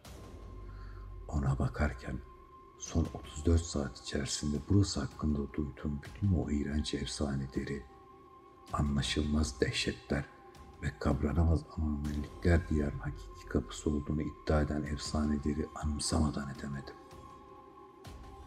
Sonra birdenbire uzaktaki kayalık üzerinde belirli aralıkla çakıp sönen ışıklar gördüm. Aldanmış olmama imkan yoktu. Zihnimde hiçbir mantığın kabul edemeyeceği kör bir dehşet uyandı. Panik içerisinde kaçmak için gerilen kaslarım harekete geçmekten sadece bilinçsiz bir sakınımlık ve yarı hipnotik bir büyülenmişlik alıkoyuyordu. Ve durumu daha da kötüleştirmek üzere kuzeydoğumda gerilerde bir yerlerde olduğundan daha büyük ve korkunç görünen Cilman evinin yüksek kubbesi üzerinden de farklı aralıklarla bir dizi benzer parıltı yanıp sönmeye başladı. Bunların yanıt olarak verilen sinyaller oldukları apaçık ortadaydı. Ne kadar kolay görülebileceğimin bilinciyle kaslarıma egemen olmaya çalışarak yenilenen bir güçle yalandan ayaklarımı sürüyerek yürümeye başladım yeniden. Ancak denize doğru uzanan caddenin izin verdiği sürece gözlerim o korkunç, o uğursuz kayalıktan alamıyordum. Şeytan kayalığı ile ilgili tuhaf bir ayin ya da bir gemiden bir grup adamın bu uğursuz kayalığa inmiş olması dışında bütün bunlara bir anlam veremiyordum. Şimdi harap çimenlikten sola sapmıştım. Yaz gecesinin o harika mehtabında pırıl pırıl ışıldayan okyanustan ve adını koyamadığım o açıklanamaz işaret ateşlerinin gizemli parıltısından bir türlü gözümü alamıyordum. İşte tam o sırada çok korkunç bir şey çarptı gözüme. Öz denetimimle ilgili son kırıntıları da yok eden ve terk edilmiş bu karabasan sokak üzerindeki ardına kadar açık karanlık kapı aralıklarının ve kuşkulu görünüşlü pencerelerin önünden güneye doğru çılgınca koşturmama yol açan bir şey. Çünkü daha dikkatle baktığımda kayalıkla sahil arasındaki ay ışığıyla aydınlanmış suların hiç de boş olmadığını görmüştüm. Deniz kasabaya doğru yüzen bir yaratık ordusuyla kıpır kıpırdı. Mesafenin bunca uzaklığına ve kısacık bir an bakmış olmama karşın suda inip çıkan kapıların ve hızla savrulan kolların tarif edilmeyecek kadar yabancı ve anormal olduğunu görmüştüm. Çılgınca koşuma daha bir blok gitmeden son vermek zorunda kaldım. Zira sol taraftan özel olarak oluşturulmuş bir takip kolunun bağırış çağrışlarını duyar gibi olmuştum. Ayak sesleri, Gırtlaklı sesler ve Federal Caddesi boyunca güneye doğru tıkırdayarak ilerleyen bir aracın motor homurtuları duyuluyordu. Bir saniyede tüm planlarım değişti. Çünkü güney yönünde yolum ileride kesilmişse Innsmouth'tan başka bir çıkış yolu bulmak zorunda olduğum açıktı. Bir an durup paralel caddeden gelmekte olanlar beni görmeden ay ışığının aydınlattığı açık alandan ayrılmış olduğum için ne kadar şanslı olduğumu düşünerek açık bir kapı aralığına sığındım.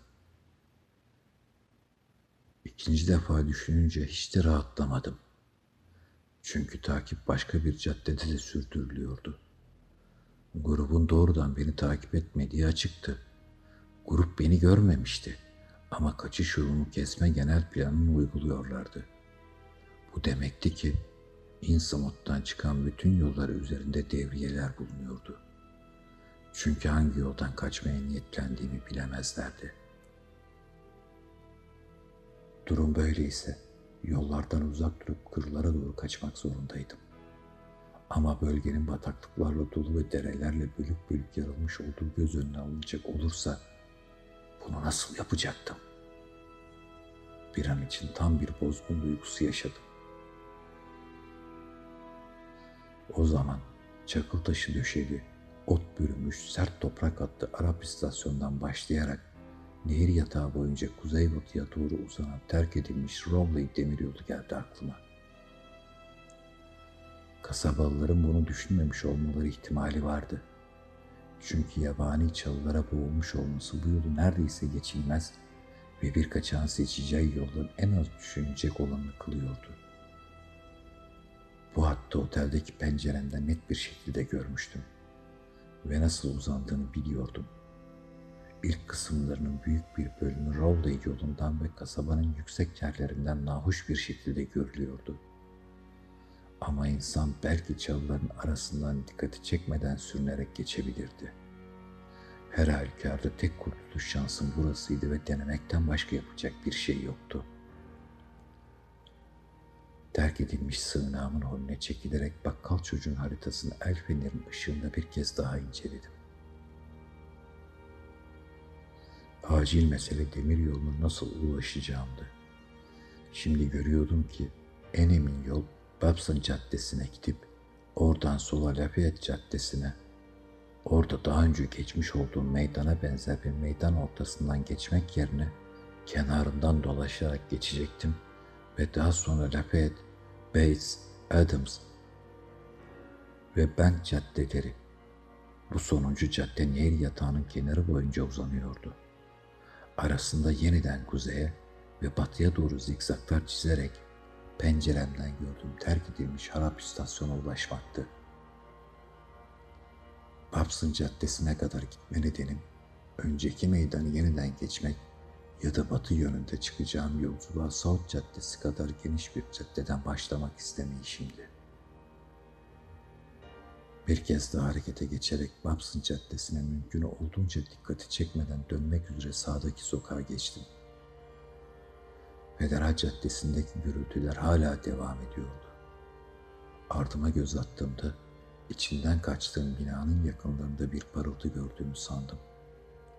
Washington Caddesi'nden uzaklaşma arzusuyla ve beni gözetleyen bir gözün bulunma ihtimaline karşı şansıma güvenerek yavaş ve sessiz bir koşu tutturdum.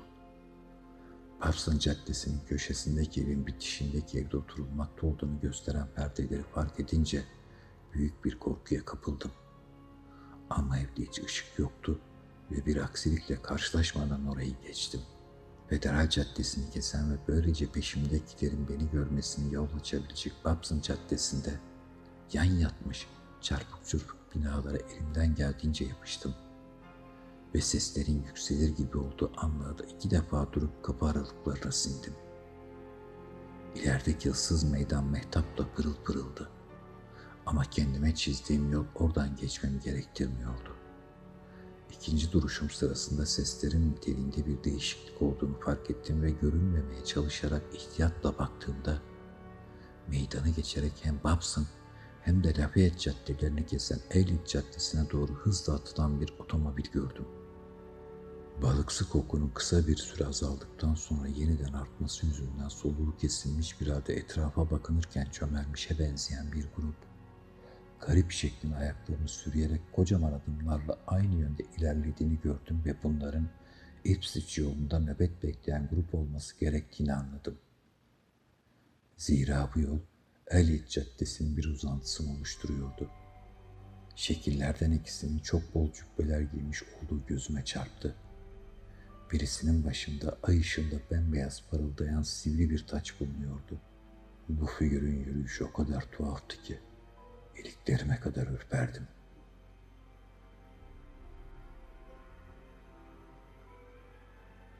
Gruptakilerin sonuncusu da gözden kaybolunca yürüyüşüme yeniden başladım. Köşeye dönüp hızla Lafayette Caddesi'ne atıldım. Gruptan geriye kalmış olabilecekler de caddeden geçer korkusuyla hızla Elliot Caddesi'ni geçtim. Uzaklardan, kasaba meydanı civarından bir takım çatlak sesler ve tıkırtılar işittiysem de caddeyi kazasız belasız geçmeyi başardım. En büyük korkum ay ışığına boğulmuş geniş ve denize nazır saat caddesini yeniden geçmekti. Bu çetin sınav için sinirlerimi yatıştırmaya çalıştım. Pekala birisi bakıyor olabilirdi ve Elliot Caddesi'nde tam o sırada geçmekte olanların her iki noktadan da beni görmemeleri imkansızdı. Son anda tırıs koşmaktan vazgeçip önceki gibi sıradan bir insanotun ayak sürüşüyle caddeyi aşmanın daha iyi olacağına karar verdim. Deniz bu defa sağımda yeniden göründüğünde dönüp o tarafa bakmaya niyetlendim. Ama dikkatle ayak sürüme taklidi yaparak ilerimdeki gölgenin koruyuculuğuna sığınmaya çalışırken dayanamayıp göz ucuyla bakmaktan kendimi alamadım. Görünürde hiçbir gemi yoktu. Oysa olacağını sanıyordum. Bunun yerine gözüme ilk çarpan şey terk edilmiş rıhtıma doğru kürek çeken ve katranlı muşambayla örtülmüş kocaman bir nesne bir sandal oldu. Kürekçiler uzaktan zar zor seçiliyor olmalarına karşın son derece itici bir görünüşe sahiptiler. Hala çok sayıda yüzücü seçilirken uzaktaki kara kayalıkta daha önceki işaret ateşlerine benzemeyen ve garip rengini tam olarak belirleyemediğim zayıf bir ışın sürekli parıldadığını fark ettim. Sağda, ilerideki milli çatıların üzerinde Cilman evinin yüksek kubbesi bir hayalet gibi yükseliyordu. Ama tamamen karanlıklar içerisindeydi merhametli bir esintinin kısa bir süre için dağıtmış olduğu balıksı koku çıldırtıcı bir yoğunlukla yeniden üzerime çullanmıştı. Caddeyi tam olarak geçmeme kalmadan Washington Caddesi boyunca ilerleyen bir grubun mırıltılarını işittim kuzeyden. Ay ışığının aydınlattığı suları ilk defa görerek huzursuzluğa kapalı ve açıklığa ulaştıklarında sadece bir blok öteden onları seyretmekteydim ve yüzlerindeki hayvani anormallikle çömelerek yürüyüşlerindeki köpeği andıran insan dışılık karışısında dehşete kapıldım. Adamlardan birisi uzun kollarıyla sık sık yere dokunarak kesinlikle bir maymun gibi hareket ediyordu. Cübbeli ve taçlı olan bir başkası ise sanki hoplayarak ilerliyordu. Bunların Cilman'ın avlusunda görmüş oldum. Yani izimi en yakından takip eden grup olduğuna hükmettim. Bazıları durup benden yana baktığında korkudan kanım çekildi.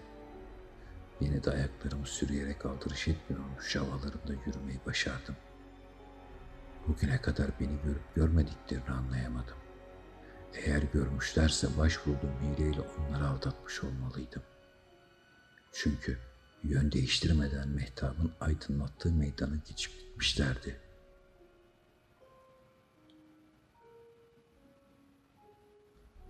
Bu arada gırtlaktan gelen iğrenç seslerle nerenin olduğunu çıkaramadığım bir şiveyle vuraklar gibi çabuk çabuk konuşuyorlardı. Bir kez daha gölgeye kavuşunca geceye boş gözlerle bakan yan yatmış harap evler boyunca daha önceki gibi yavaş ve sessiz bir koş tutturdum. Batı yönündeki kaldırıma geçmiş bulunduğumdan en yakın köşeden Beyz Caddesi'ne dönüp güney yönündeki binaları yakın durarak koşturmaya devam ettim. İçerisinde oturulmakta olduğuna dair işaretler gösteren iki evin yanından geçtim. Birinin üst kat pencerelerinde zayıf bir ışık vardı. Ama herhangi bir engelle karşılaşmadım. Adams Caddesi'ne ulaştığımda kendimi adam akıllı ferahlamış hissettim. Ama karanlık bir kapı aralığından adamın biri önüme fırladığında aklım kaçıracaktım. Bereket versin adam burnunu ucunu görmeyecek kadar sarhoştu. Böylece Bank Caddesi'ndeki iç karartıcı antrepo yıkıntılarına sağ salim varabildim. Nehir yatağının yanındaki bu ölü sokakta incin top oynuyordu ve çağlayanların gümbürtüsü ayak seslerimi bastırıyordu. Harap istasyon bu koşuyla epey çekecekti. Etrafındaki yüksek tuğla antropo duvarları ise nedense özel evlerin cephelerinden daha korkunç görünüyordu bana. Sonunda üstü kapalı eski istasyona ya da ondan arta kalan şeye ulaştım ve rayların başladığı uzak uca doğru koştum hemen. Raylar pasta olmakla birlikte sağlamdı. Traverslerin ise ancak yarısı çürümüştü. Böyle bir yüzeyde yürümek veya koşmak çok güçtü. Ama elimden geleni yaptım ve pek zaman yitirmedim. Demir yolu belli bir mesafe nehir yatağının kıyısını takip ediyordu. Ama sonunda baş döndürücü bir yükseklikten kanyonu geçen, üstü kapalı uzun köprüye ulaştım. Bu köprünün durumu bundan sonraki adımımı belirleyecekti. Buradan geçmek insan yetenekleri dahilindeyse geçecektim. Yok değilse daha başka sokaklarda dolaştıktan sonra en yakındaki sağlam karayolu köprüsünü seçecektim. Çiftlik ambarına benzeyen uzun, eski köprü mehtapta bir hayal gibi parlıyordu. İçeriye doğru hiç değilse ilk birkaç metrelik bölümde kayıtların sağlam olduğunu gördüm. İçeri girince el fenerimi yaktım. Kanat çırpan bir yarasa bulutu altında neredeyse yere kapaklanıyordum. Yolun neredeyse yarısına geldiğimde kayıtlar arasında ilerlememi engelleyicinden bir an için korkuya kapıldığım tehlikeli bir açıklık gördüm. Ama sonunda umutsuz bir atlayış riskini göze aldım ve neyse ki de başardım. Bu uğursuz tünelden çıktığımda yeniden ay ışığını görmekten memnuniyet duydum. Eski raylar River Caddesi'nin zemininden geçiyor ve hemen kıvrılıp gitgide daha kırsal bir görüntüye bürünen ve Innsmouth'un balıksı kokusunun daha az duyulduğu bir bölgeye yöneliyordu. Burada sık büyümüş otlar ve çalılar beni engelledi ve üstümü başımı yırttı. Ama bir tehlike anında beni gizleyebilecekleri için onlardan pek şikayetçi olduğum söylenemezdi. Yolumun büyük bölümünün Rowley yolundan görülür olması gerektiğini biliyordum. Çok geçmeden bataklık bölge başladı. Rayların teki o dörtüsünün nispeten seyrek olduğu düşük bir toprak set üzerinde uzanıyordu. Sonra hattın çalı ve dikenlerle boğulmuş bir sıvı oyuktan geçtiği daha yüksekçe bir zeminden oluşan bir tür alaya geldim. Yolun bir kısmını gözlerden saklayabilecek bu sığlaktan son derece memnun olmuştum. Zira penceremden göründüğü kadarıyla bu noktada demiryolu Rowley yoluna rahatsızlık verecek denli yakındı. Rowley yolu bu oyun sonunda demiryolunu kestikten sonra daha emniyetli bir uzaklığa çekiliyordu. Ama bu arada son derece dikkatli olmak zorundaydım. Bu vakte kadar demir yolunda devriye gezmediklerinden emindim ve buna şükrediyordum. O yük geçide girmeden hemen önce dönüp arkama baktım. Ama peşim sıra gelen kimse görmedim.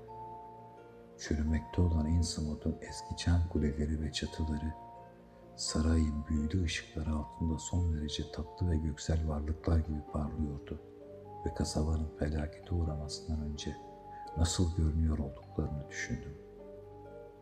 Sonra bakışlarımı kasabadan iç bölgelere doğru çevirdiğimde hareket halinde bir şey dikkatimi çekti ve bir an için beni olduğum yere çiviledi. Gördüğüm ya da gördüğümü sandığım şey güney yönünde uzaklarda son derece rahatsız edici şeyleri akla getiren bir dalgalanma hareketiydi. çok kalabalık bir sürünün kasabadan Ipswich yoluna dökülmekte olduğu sonucuna vardım. Aradaki uzaklık çok fazlaydı. Hiçbir ayrıntıyı seçemiyordum ama bu hareketli kolun görünüşünden hiç hoşlanmamıştım. Çok fazla dalgalanıyor ve artık batmak üzere olan ayın ışınları altında çok fazla parıldıyordu. Ayrıca rüzgarın ters yönden esiyor olmasına karşın seslerdi. Bütün o devriyelerin kulağıma çalınan mırıltılarından daha hayvanca böğürtüler ve kazıma sesleri duyuluyordu. Aklımdan bin türlü kötü ihtimal geçti. Rıhtım civarındaki asırlık harap evlerde yaşadıkları söylenen o şekli şemali aşırı bozulmuş insanları düşündüm. Görmüş olduğum o ne idüğü belirsiz yüzücüleri düşündüm. Şimdiye kadar gözüme çarpan devriye gruplarını ve muhtemelen diğer yolları tutmuş olan grupları da sayacak olursak, peşimdekilerin sayısı Innsmouth gibi boşalmış bir kasaba için tuhaf sayılacak kadar fazla olmalıydı. Şu anda görmekte olduğum böyle bir kolu oluşturacak kadar çok insan nereden gelmiş olabilirdi? Tesisatı bulunmayan o eski evler sapkın, tanımlanmamış ve akıllardan hiç geçmeyen bir yaşamla mı dolup taşıyordu? Yoksa bir gemi görülmeden bu korkunç kayalığa meçhul bir yabancılar ordusu mu çıkarmıştı? Kimdi bunlar? Niçin buradaydılar? Ve Ipswich yolunu böyle bir kol tarıyorsa diğer yollardaki devriyeler de aynı şekilde arttırılmış mıydı? Çalı bürmüş oyuk geçide girmiş ağır aksak ilerlemeye çalışırken o lanet balıksı koku yeniden kuvvetli hissedildi. Ansızın rüzgar doğuya dönüp denizden aldığı kokuları kasabanın üzerinden bu yana mı taşıyordu? Böyle olması gerektiğini hükmettim. Zira şimdiye kadar sessiz olan bu yönden insanın kanını donduran gırtlaksı sesler işitmeye başlamıştım. Bir başka ses daha vardı. İnsanın aklına nedense en iğrenç türden şeyler getiren devasa bir çırpınma ya da patırtı sesi. Mantıksız da olsa bu bana uzak Ipswich yolundaki devriye kolunun nahoş dalgalanışını düşündürdü. Sonra pis koku da, sesler de arttı. Öyle ki korkudan tir tir titreyerek durdum ve sağladığı koruma için oyuk geçide minnet duydum.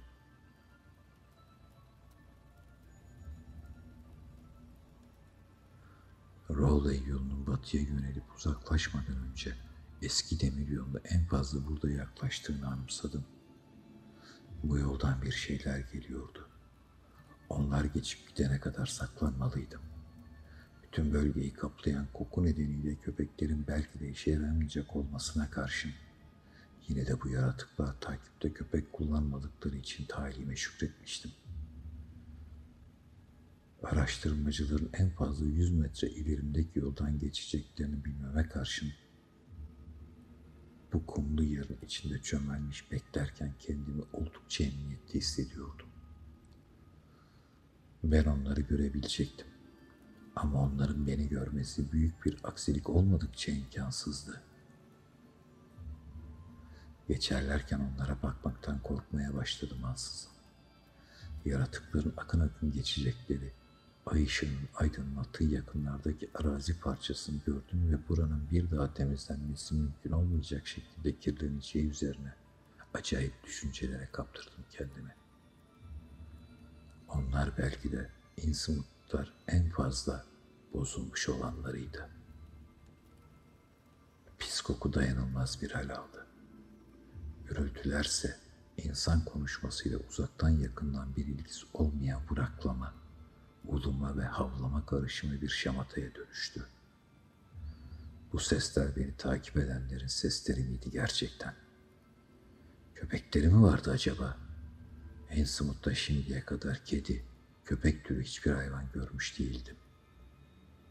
Şu çırpınma sesleri ve patırtılar müthiş sinir bozucuydu. Bu sesleri çıkaran göz yaratıklara bakamayacaktım. Sesler batı yönünde itip gidene kadar gözlerimi sıkı sıkıya yumacaktım. Sürü şimdi çok yakınımdaydı. Hava hırıltılı ve homurtularıyla doluydu. Yerse yabancı ritimli adımlarıyla neredeyse sarsılıyordu. Soluğum kesileri gibi oldu. Gözlerimi kapalı tutmak için bütün irademi kullandım. Bundan sonra cereyan eden olayların iğrenç bir gerçek mi? Yoksa bir karabasan mı olduğunu bugün bile söyleyebilecek durumda değilim.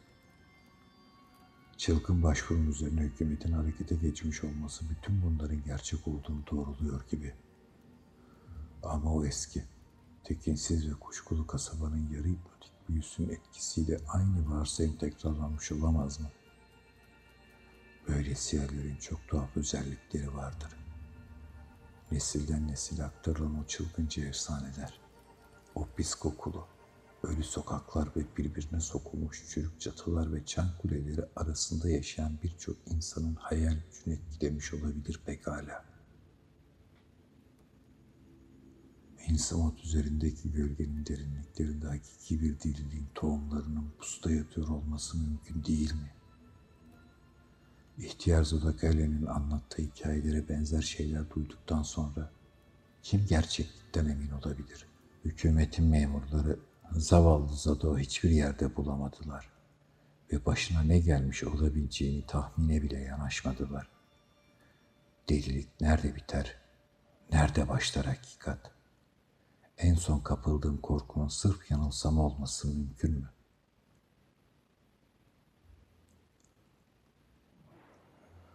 Ama o gece ıssız demiryolu geçidini bürümüş yabani çalıların arasında alaycı, sarı ayın ışığında çömelmiş beklerken, hoplaya zıplaya akın akın Rowley yolundan geçtiğini gördüğümü sandığım şeyleri anlatmaya çalışmalıyım. Gözlerimi kapalı tutma kararımı elbette uygulayamamıştım. Zaten başarısızlığa mahkum bir karardı. Çünkü yüz metreden daha yakın bir mesafeden bir sürü meçhul yaratık bıraklayarak, havlayarak geçerken kim çömeldiği yerde gözleri kapalı bekleyebilir ki? En kötüsüne hazır olduğumu sanıyordum. Daha önce görmüş olduğum şeyler dikkate alınacak olursa gerçekten de hazır olmalıydım. Diğer takipçilerin felaket derecede anormaldi. Bu yüzden anormalliğin daha da artmasına ve normalle hiçbir ilintisi olmayan yaratıklar görmeye kendimi hazırlamış olmam gerekmez miydi? Boğuk sesler ilerimde bir noktadan yükselinceye kadar gözlerimi açamadım.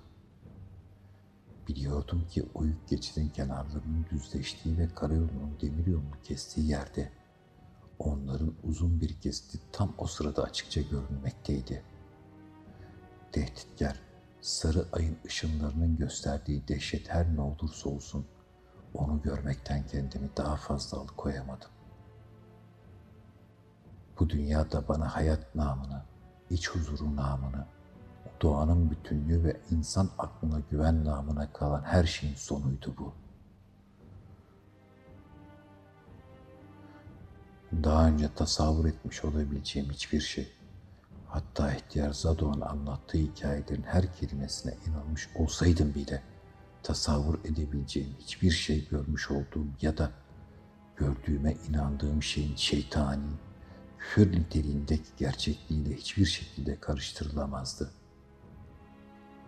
Onu cesaretle yazmanın dehşetini ertelemek için ne olduğu hakkında imalarda bulunmaya çalıştım. Bu gezegenin insan gözlerinin etiyle kanıyla karşısında gördüğü, insanoğlunun bugüne kadar ancak ateşli fantazilerde ve çok nadiren efsanelerde tanıdığı böylesi yaratıklara hayat vermiş olması gerçekten mümkün mü? Yine de onları hayale benzeyen bir mehtapta fantastik karabasanları andıran grotesk, kötücül bir dans yaparak, çırpınarak, zıplayarak, buraklayarak, meleyerek akan, hudutsuz bir akıntı halinde gördüm. Bazıları o ne olduğu bilinmeyen beyazımsı altına benzer metalden uzun taçlar giyinmişlerdi. Bazılarının çok tuhaf cübbeleri vardı ve başı çeken bir tanesi korkunç derecede kambur duran siyah bir ceketle çizgili bir pantolon giymiş, kafa yerine geçen o biçimsiz şeyin tepesine de bir fötür şapka kondurmuştu. Karınlarının beyaz olmasına karşın renkleri daha çok griye çalan yeşildi. Çoğunlukla parlak ve kaygandılar. Ama sırtları pul puldu. Gövdeleri az çok insanı andırırken asla kapanmayan aşırı patlak gözlerle kafaları balık kafasıydı. Boyunlarının yanlarında bir namız gibi atan solungaçlar vardı ve uzun pençeleri perdeliydi. Bazen iki, bazen dört ayak üzerinde düzensizce zıplıyorlardı. Dörtten fazla eklemli uzuvların olmayışından nedense memnuniyet duydum. Heceli bir dil yerine kullandıkları açıkça belli olan vıraklama, havlama sesleri anlamsız suratların aksine karanlığın tüm tonlarını ifade ediyordu. Ama bütün acayiplerine karşın bana hiç de yabancı değillerdi. Ne olduklarını gayet iyi biliyordum. Ne de olsa Newburyport'taki o kötü tacın anısı hala diptir değil miydi? Bunlar o adını koymadığım desenlerde yer alan küfür niteliğindeki balık kurbağalardı. Canlıydılar ve çok korkunçtular. Onlara bakarken karanlık kilisenin zemin katındaki o taçlı, kambur papazın bana hangi korkunç şeyi anımsattığını da anladım. Tahmin edilmeyecek denli çoktular. Bana sayıları sonsuzmuş gibi geldi. Onlara baktığım o kısacık bir an içerisinde onların çok küçük bir bölümünü görmüş olmalıydım. Bir an sonra neyse ki gözlerimin önünden bir şey silindi. Bayıldım. Hayatımda ilk defa bayılıyordum.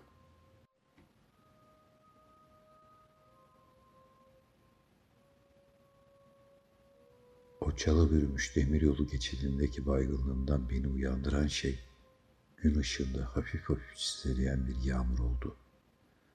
Ve sendeleye sendeleye biraz ötedeki şoseye yürüdüğümde taze çamurların üzerinde herhangi bir ayak izi görmedim. Balıksı koku da yok olmuştu. Enzamot'un harap çatıları ve yıkık can kuleleri güneydoğu yönünde kasvetli bir hayal gibi yükseliyordu. Ama çevremdeki tüm o ıssız, tuzlu bataklıklarda bir tek canlı göze çarpmıyordu. Saatim hala çalışıyor ve vaktin öğleye geçmiş olduğunu gösteriyordu. Başımdan geçen olayların gerçekliğinden pek emin değildim. Ama gerisinde çok korkunç bir şeylerin yattığını hissediyordum. Kötülüğün gölgesinin düştüğü Innsmouth'tan kaçmalıydım. Kasılıp kalmış, mecalsiz kol ve bacaklarımı oynatmayı denedim. Bir süre sonra zayıflığımı, açlığıma, korkuyor olma ve kafamın karışıklığına karşın yürüyebileceğimi gördüm. Böylece çamurlu yolda yavaş yavaş Rowley'e doğru yürümeye koyuldum. Akşamdan önce köye vardım.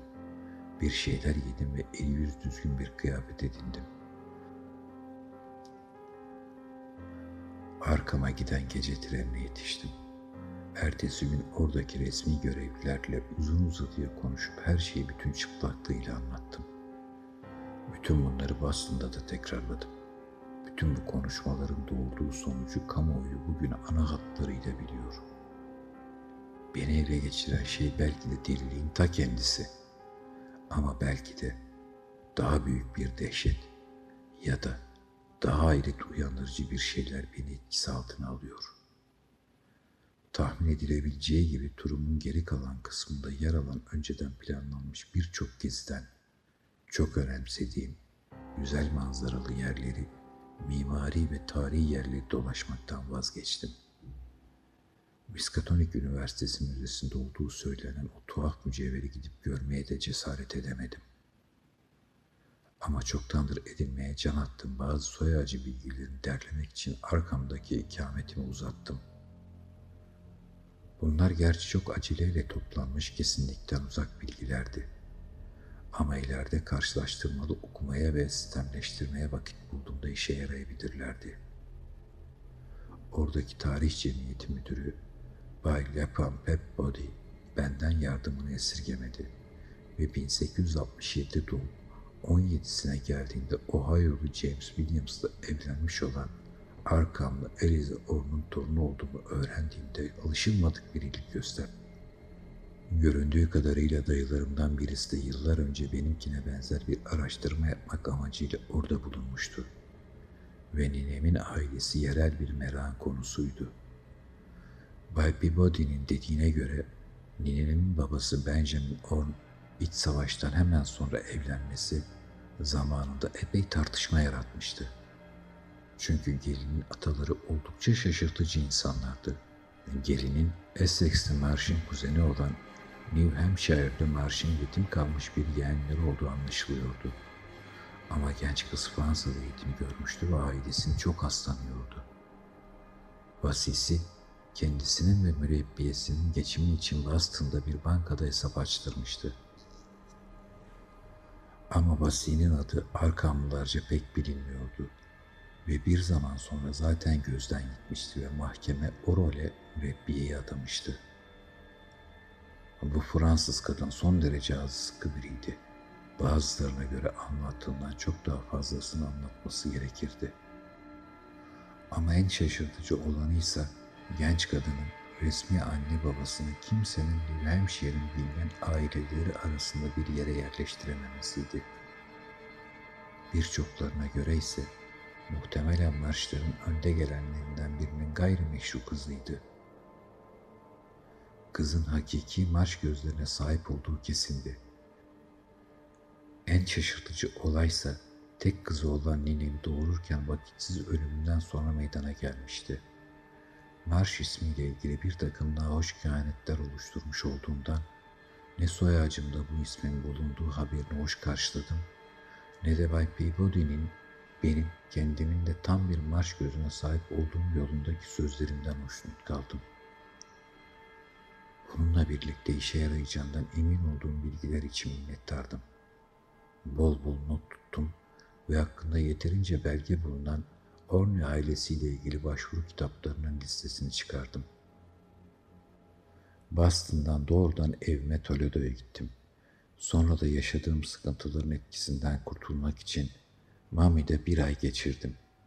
Eylül'de son yılım için Oberlin'e girdim ve o vakitten bir sonraki Haziran'a kadar derslerle ve genel faaliyetlerle meşgul oldum. Geçmişte kalan dehşeti bana yalnızca başvurumun ve ortaya çıkan kanıtların başlattığı operasyonla ilgili olarak ara sıra ziyaretime gelen resmi görevliler anımsatıyordu. Temmuz'un ortalarına doğru Innsmouth'ta başıma gelenlerden tam bir yıl sonra merhum annemin Cleveland'daki ailesinin yanında bir hafta geçirdim. Soy ağacımla ilgili olarak yeni edindiğim bilgileri çeşitli notlarla, söylentilerle ve nesilden nesile aktarılan malzemeyle karşılaştırarak tutarlı bir çizelge çıkarıp çıkaramayacağıma baktım. Bu işten o kadar da hoşlanmıyordum. Çünkü Williams'ların evindeki hava hep beni bunaltmıştır. Burada sağlıksız bir şeyler vardı. Çocukluğumda annem akrabalarını ziyarete hiç yüreklendirmezdi beni. Oysa babası ne zaman Toledo'ya gelecek olsa onu hoş karşılardı. Arkam doğumlu ninem bana hep tuhaf ve dehşet verici görünmüştür. Ortadan kaybolduğumda hüzünlendiğimi sanmıyorum. O zaman sekiz yaşındaydım. En büyük oğlu Douglas dayımın intiharından duyduğu hüzünle ninemin kendini yollara vurduğu söylenmişti. Dayım New England'a yaptığı bir yolculuktan sonra kendini vurmuştu. Bu dayım nineme benziyordu. Onu da hiç sevmemiştim. Her ikisinin de kıpırtısız gözleri, küstah bakışları bana açıklayamadığım bir huzursuzluk veriyordu. Annemle Weatherdayım onlara benzemiyordu. Babalarına benziyorlardı. Ama zavallı küçük kuzenim Lawrence'ın durumu onu sürekli olarak Canton'da bir sanatoryumda kalmak zorunda bırakmadan önce büyük annesinin mükemmel bir kopyasıydı. Onu dört yıldır görmüyordum. Ama dayım bir seferinde hem ruhsal hem de bedensel bakımdan çok kötü durumda olduğumu çıtlatmıştı. Bu üzüntü muhtemelen annesinin iki yıl önce ölmesinin en büyük nedeniydi. Cleveland'daki evin biricik sakinlerini şimdi dedemle dul oğlu Walter oluşturuyordu. Ama eski zamanların anıları kara bulutlar gibi evin üzerinde asılı durmaya devam ediyordu. Buradan hala hoşlanmıyor ve araştırmalarımı elimden geldiğince çabuk tamamlamaya bakıyordum.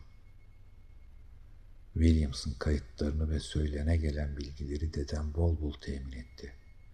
Öte yandan Orne'lerle ilgili malzeme için notlar, mektuplar, gazete kesikleri, nesilden nesile aktarılan malzemeler, fotoğraflar ve minyatürler dahil dosyalarının tamamını kullanıma sunan dayım Walter'ın eline bakıyordum. Orne'lerle ilgili mektupları ve resimleri incelerken kendi atalarımdan bir tür dehşet duymaya başladım. Dediğim gibi ninem ve Douglas dayım beni hep rahatsız etmiştir. Şimdi ölümlerinin üzerinden bunca yıl geçtikten sonra resimlerdeki yüzlerine ölçüsüz bir iğrenme ve yabancılaşma duygusuyla bakıyordum. Başlangıçta değişikliği anlayamadım. Ama dehşet verici türden bir karşılaştırma, varlığını akla getiren her şeyi bilincimin şiddetle reddetmesine karşın yavaş yavaş bilinçaltıma sızmaya başladı. Bu yüzlerin genel ifadesi daha önce akla getirmediği bir şeyi, düşünüldüğünde tam bir paniğe yol açacak bir şeyi şimdi akla getiriyordu. Ama şokların en büyüğünü dayım şehirdeki kiralık bir kasada bulunan Orne mücevherlerini gösterdiğinde yaşadım. Mücevherlerden bazıları yeterince zarif ve etkileyiciydi. Ama ninemin annesinden kalma bir takım garip eski mücevherlerle dolu bir kutu vardı ki, dayım çıkartmakta neredeyse gönülsüz davrandı. Dediğine göre tasarımları son derece grotesk ve iticiydi ve bildiği kadarıyla ninem bunları takıp hiç insan içine çıkmamıştı. Ama onları seyretmekten hoşlanıyordu. Uğursuzluk getirdikleri hakkında söylentiler yayılmıştı ve ninemin annesinin Fransız mürebbiyesi Avrupa'da oldukça emniyette kullanılabilecek olmalarına karşın New England'da takılmamaları gerektiğini söylemişti. Dayım ağır ağır ve isteksizce mücevherlerin örtüsünü kaldırırken tasarımlarındaki acayiplik ve iğrençlikten irkilmemem için beni uyardı. Bunları görmüş olan sanatçılar ve arkeologlar egzotik zarafete zahip fevkalade işçilikleri olduğunu ileri sürmüşlerdi. Ancak hiç kimsenin ne tam olarak nasıl bir malzemeden yapılmış olduklarını belirleyebilmiş ne de belirli bir sanat akımına mal edebilmişti onları. İki pazı bent, bir taç ve bir de göğüs üzerine taşınan türde bir süs vardı. Bu sonuncusunun üzerinde bakmaya insanın içini el vermediği son derece iğrenç rölyefler bulunuyordu. Bu ana kadar duygularıma gen vurmayı becermiştim. Ancak yüzüm giderek artan korkularımı ele vermiş olmalıydı.'' Dayım endişelenmişe benziyordu. Yüz ifademi incelemek için yeni mücevherler çıkarmaya ara verdi. Devam etmesini işaret ettim. Dayım daha da belirgin bir isteksizlikle arzumu yerine getirdi. İlk parça, taç, ortaya çıktığında dayım bir tepki vermemi bekliyor gibiydi. Ama beklediğinin tam da bu olanlar olduğundan kuşkuluyum. Ben kendim de bunu beklemiyordum. Çünkü karşıma çıkacak mücevherlerin neye benzediği konusunda yeterince uyarılmış olduğumu düşünüyordum. Bir yıl önce çalılarla dolu o demir yolu geçitindeki gibi sessizce bayılıp olduğum yere yığıldım. Bu andan itibaren hayatım ne kadarın iğrenç gerçeklik, ne kadarının delilik olduğunu bilmiyorum ama derin düşüncelerle ve kaygılarla dolu bir karabasana dönüştü.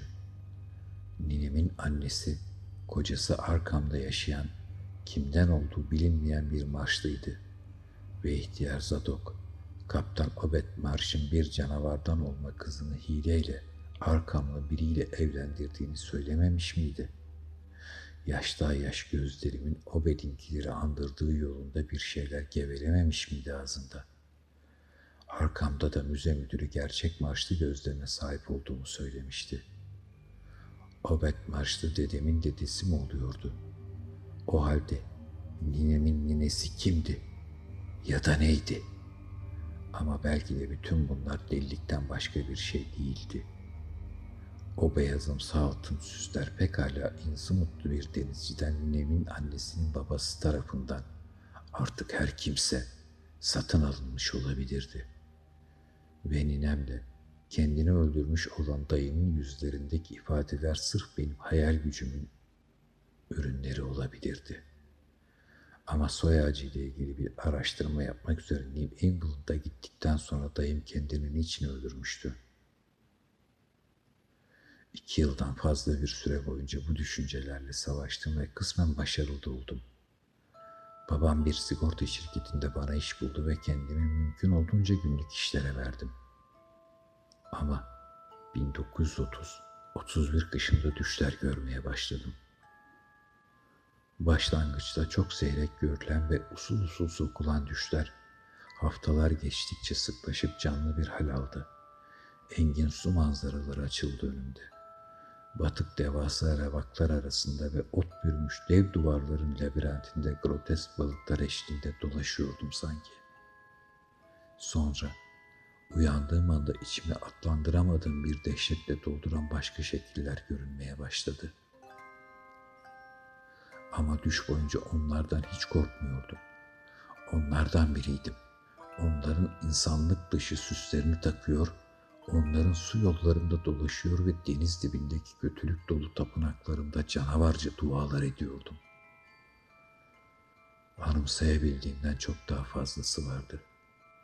Ama yazmaya cüret edebilseydim, her sabah anımsadığım şeyler bile beni ebediyen deli ya da dahi olarak damgalamaya yeterdi. Korkunç bir gücün beni sürekli olarak sağlıklı yaşamın aklı başında dünyasından karanlığın ve yabancılaşmanın isimsiz uçurumlarına çekmeye çalıştığını hissediyordum. Ve bu süreç üzerimde etkili olmaya başlamıştı bile. Sağlığım ve görünüşüm hızla bozuldu. Öyle ki sonunda işimden ayrılıp yatalak birinin insanlardan uzak, durağan yaşamını benimsemek zorunda kaldım. Tuhaf bir sinir hastalığına yakalandım. Zaman zaman kendi gözlerimi kapatamaz durumda buluyordum.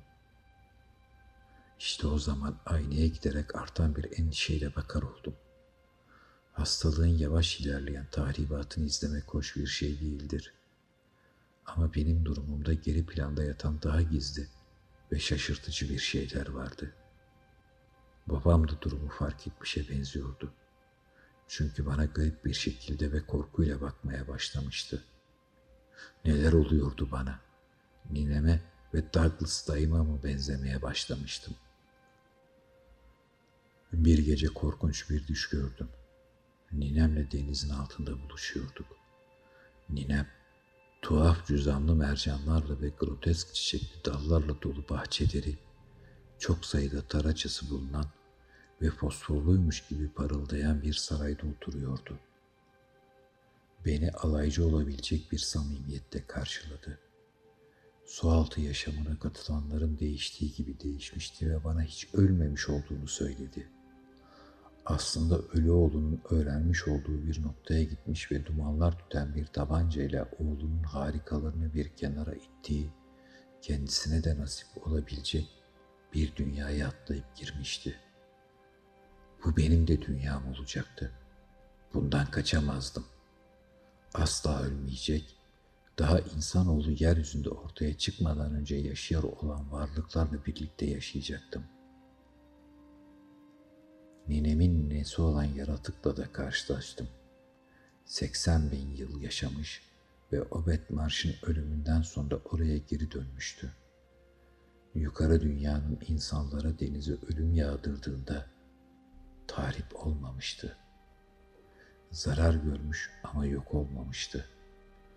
Unutulmuş eskilerin tarih öncesi büyüleri bazen derinliklerin sakinlerini engellese de onlar asla yok edilemezdi. Onlar şimdilik dinleneceklerdi. Ama bir gün anımsarlarsa Büyük Kutulu'nun hasretini çektiği saygıyı göstermek için yeniden ayağa kalkacaklardı.'' Innsmouth'tan daha büyük bir şehir olacaktı gelecek seferki. Onlar yayılmayı planlamışlar ve kendilerine yardım edecekleri yetiştirmişlerdi. Ama şimdi bir kere daha beklemeleri gerekiyordu. Yukarı dünya insanlarına ölüm getirdiğim için bunun kefaretini ödemem gerekiyordu. Ama bu çok ağır olmayacaktı. Bir sokotu ilk defa bu düşte gördüm ve görüntüsü çığlık çığlığa uyanmama yol açtı. O sabah aynı, kesinlikle insimot görünüşüne büründüğümü gösterdi. Şu ana kadar henüz Douglas'tayım gibi kendimi vurmuş değilim. Otomatik bir tabanca satın aldım ve az daha o adımı atıyordum. Ancak bazı düşler beni caydırdı. Dehşetin aşırılığı törpüleniyor ve denizlerin meçhul derinliklerinden korkmak yerine garip bir şekilde oraya çekildiğimi hissediyordum. Uykuda tuhaf şeyler işliyor, tuhaf şeyler yapıyor ve dehşet yerine bir tür heyecanla uyanıyorum. Çoğunun beklemiş olduğu gibi değişimimin tamamlanmasını beklemem gerektiğine inanıyorum. Bekleyecek olsaydım babam zavallı küçük kuzenim gibi beni de bir sanatoryuma kapatırdı herhalde. Harikulade ve iştilmemiş bir ihtişam bekliyor beni aşağıda.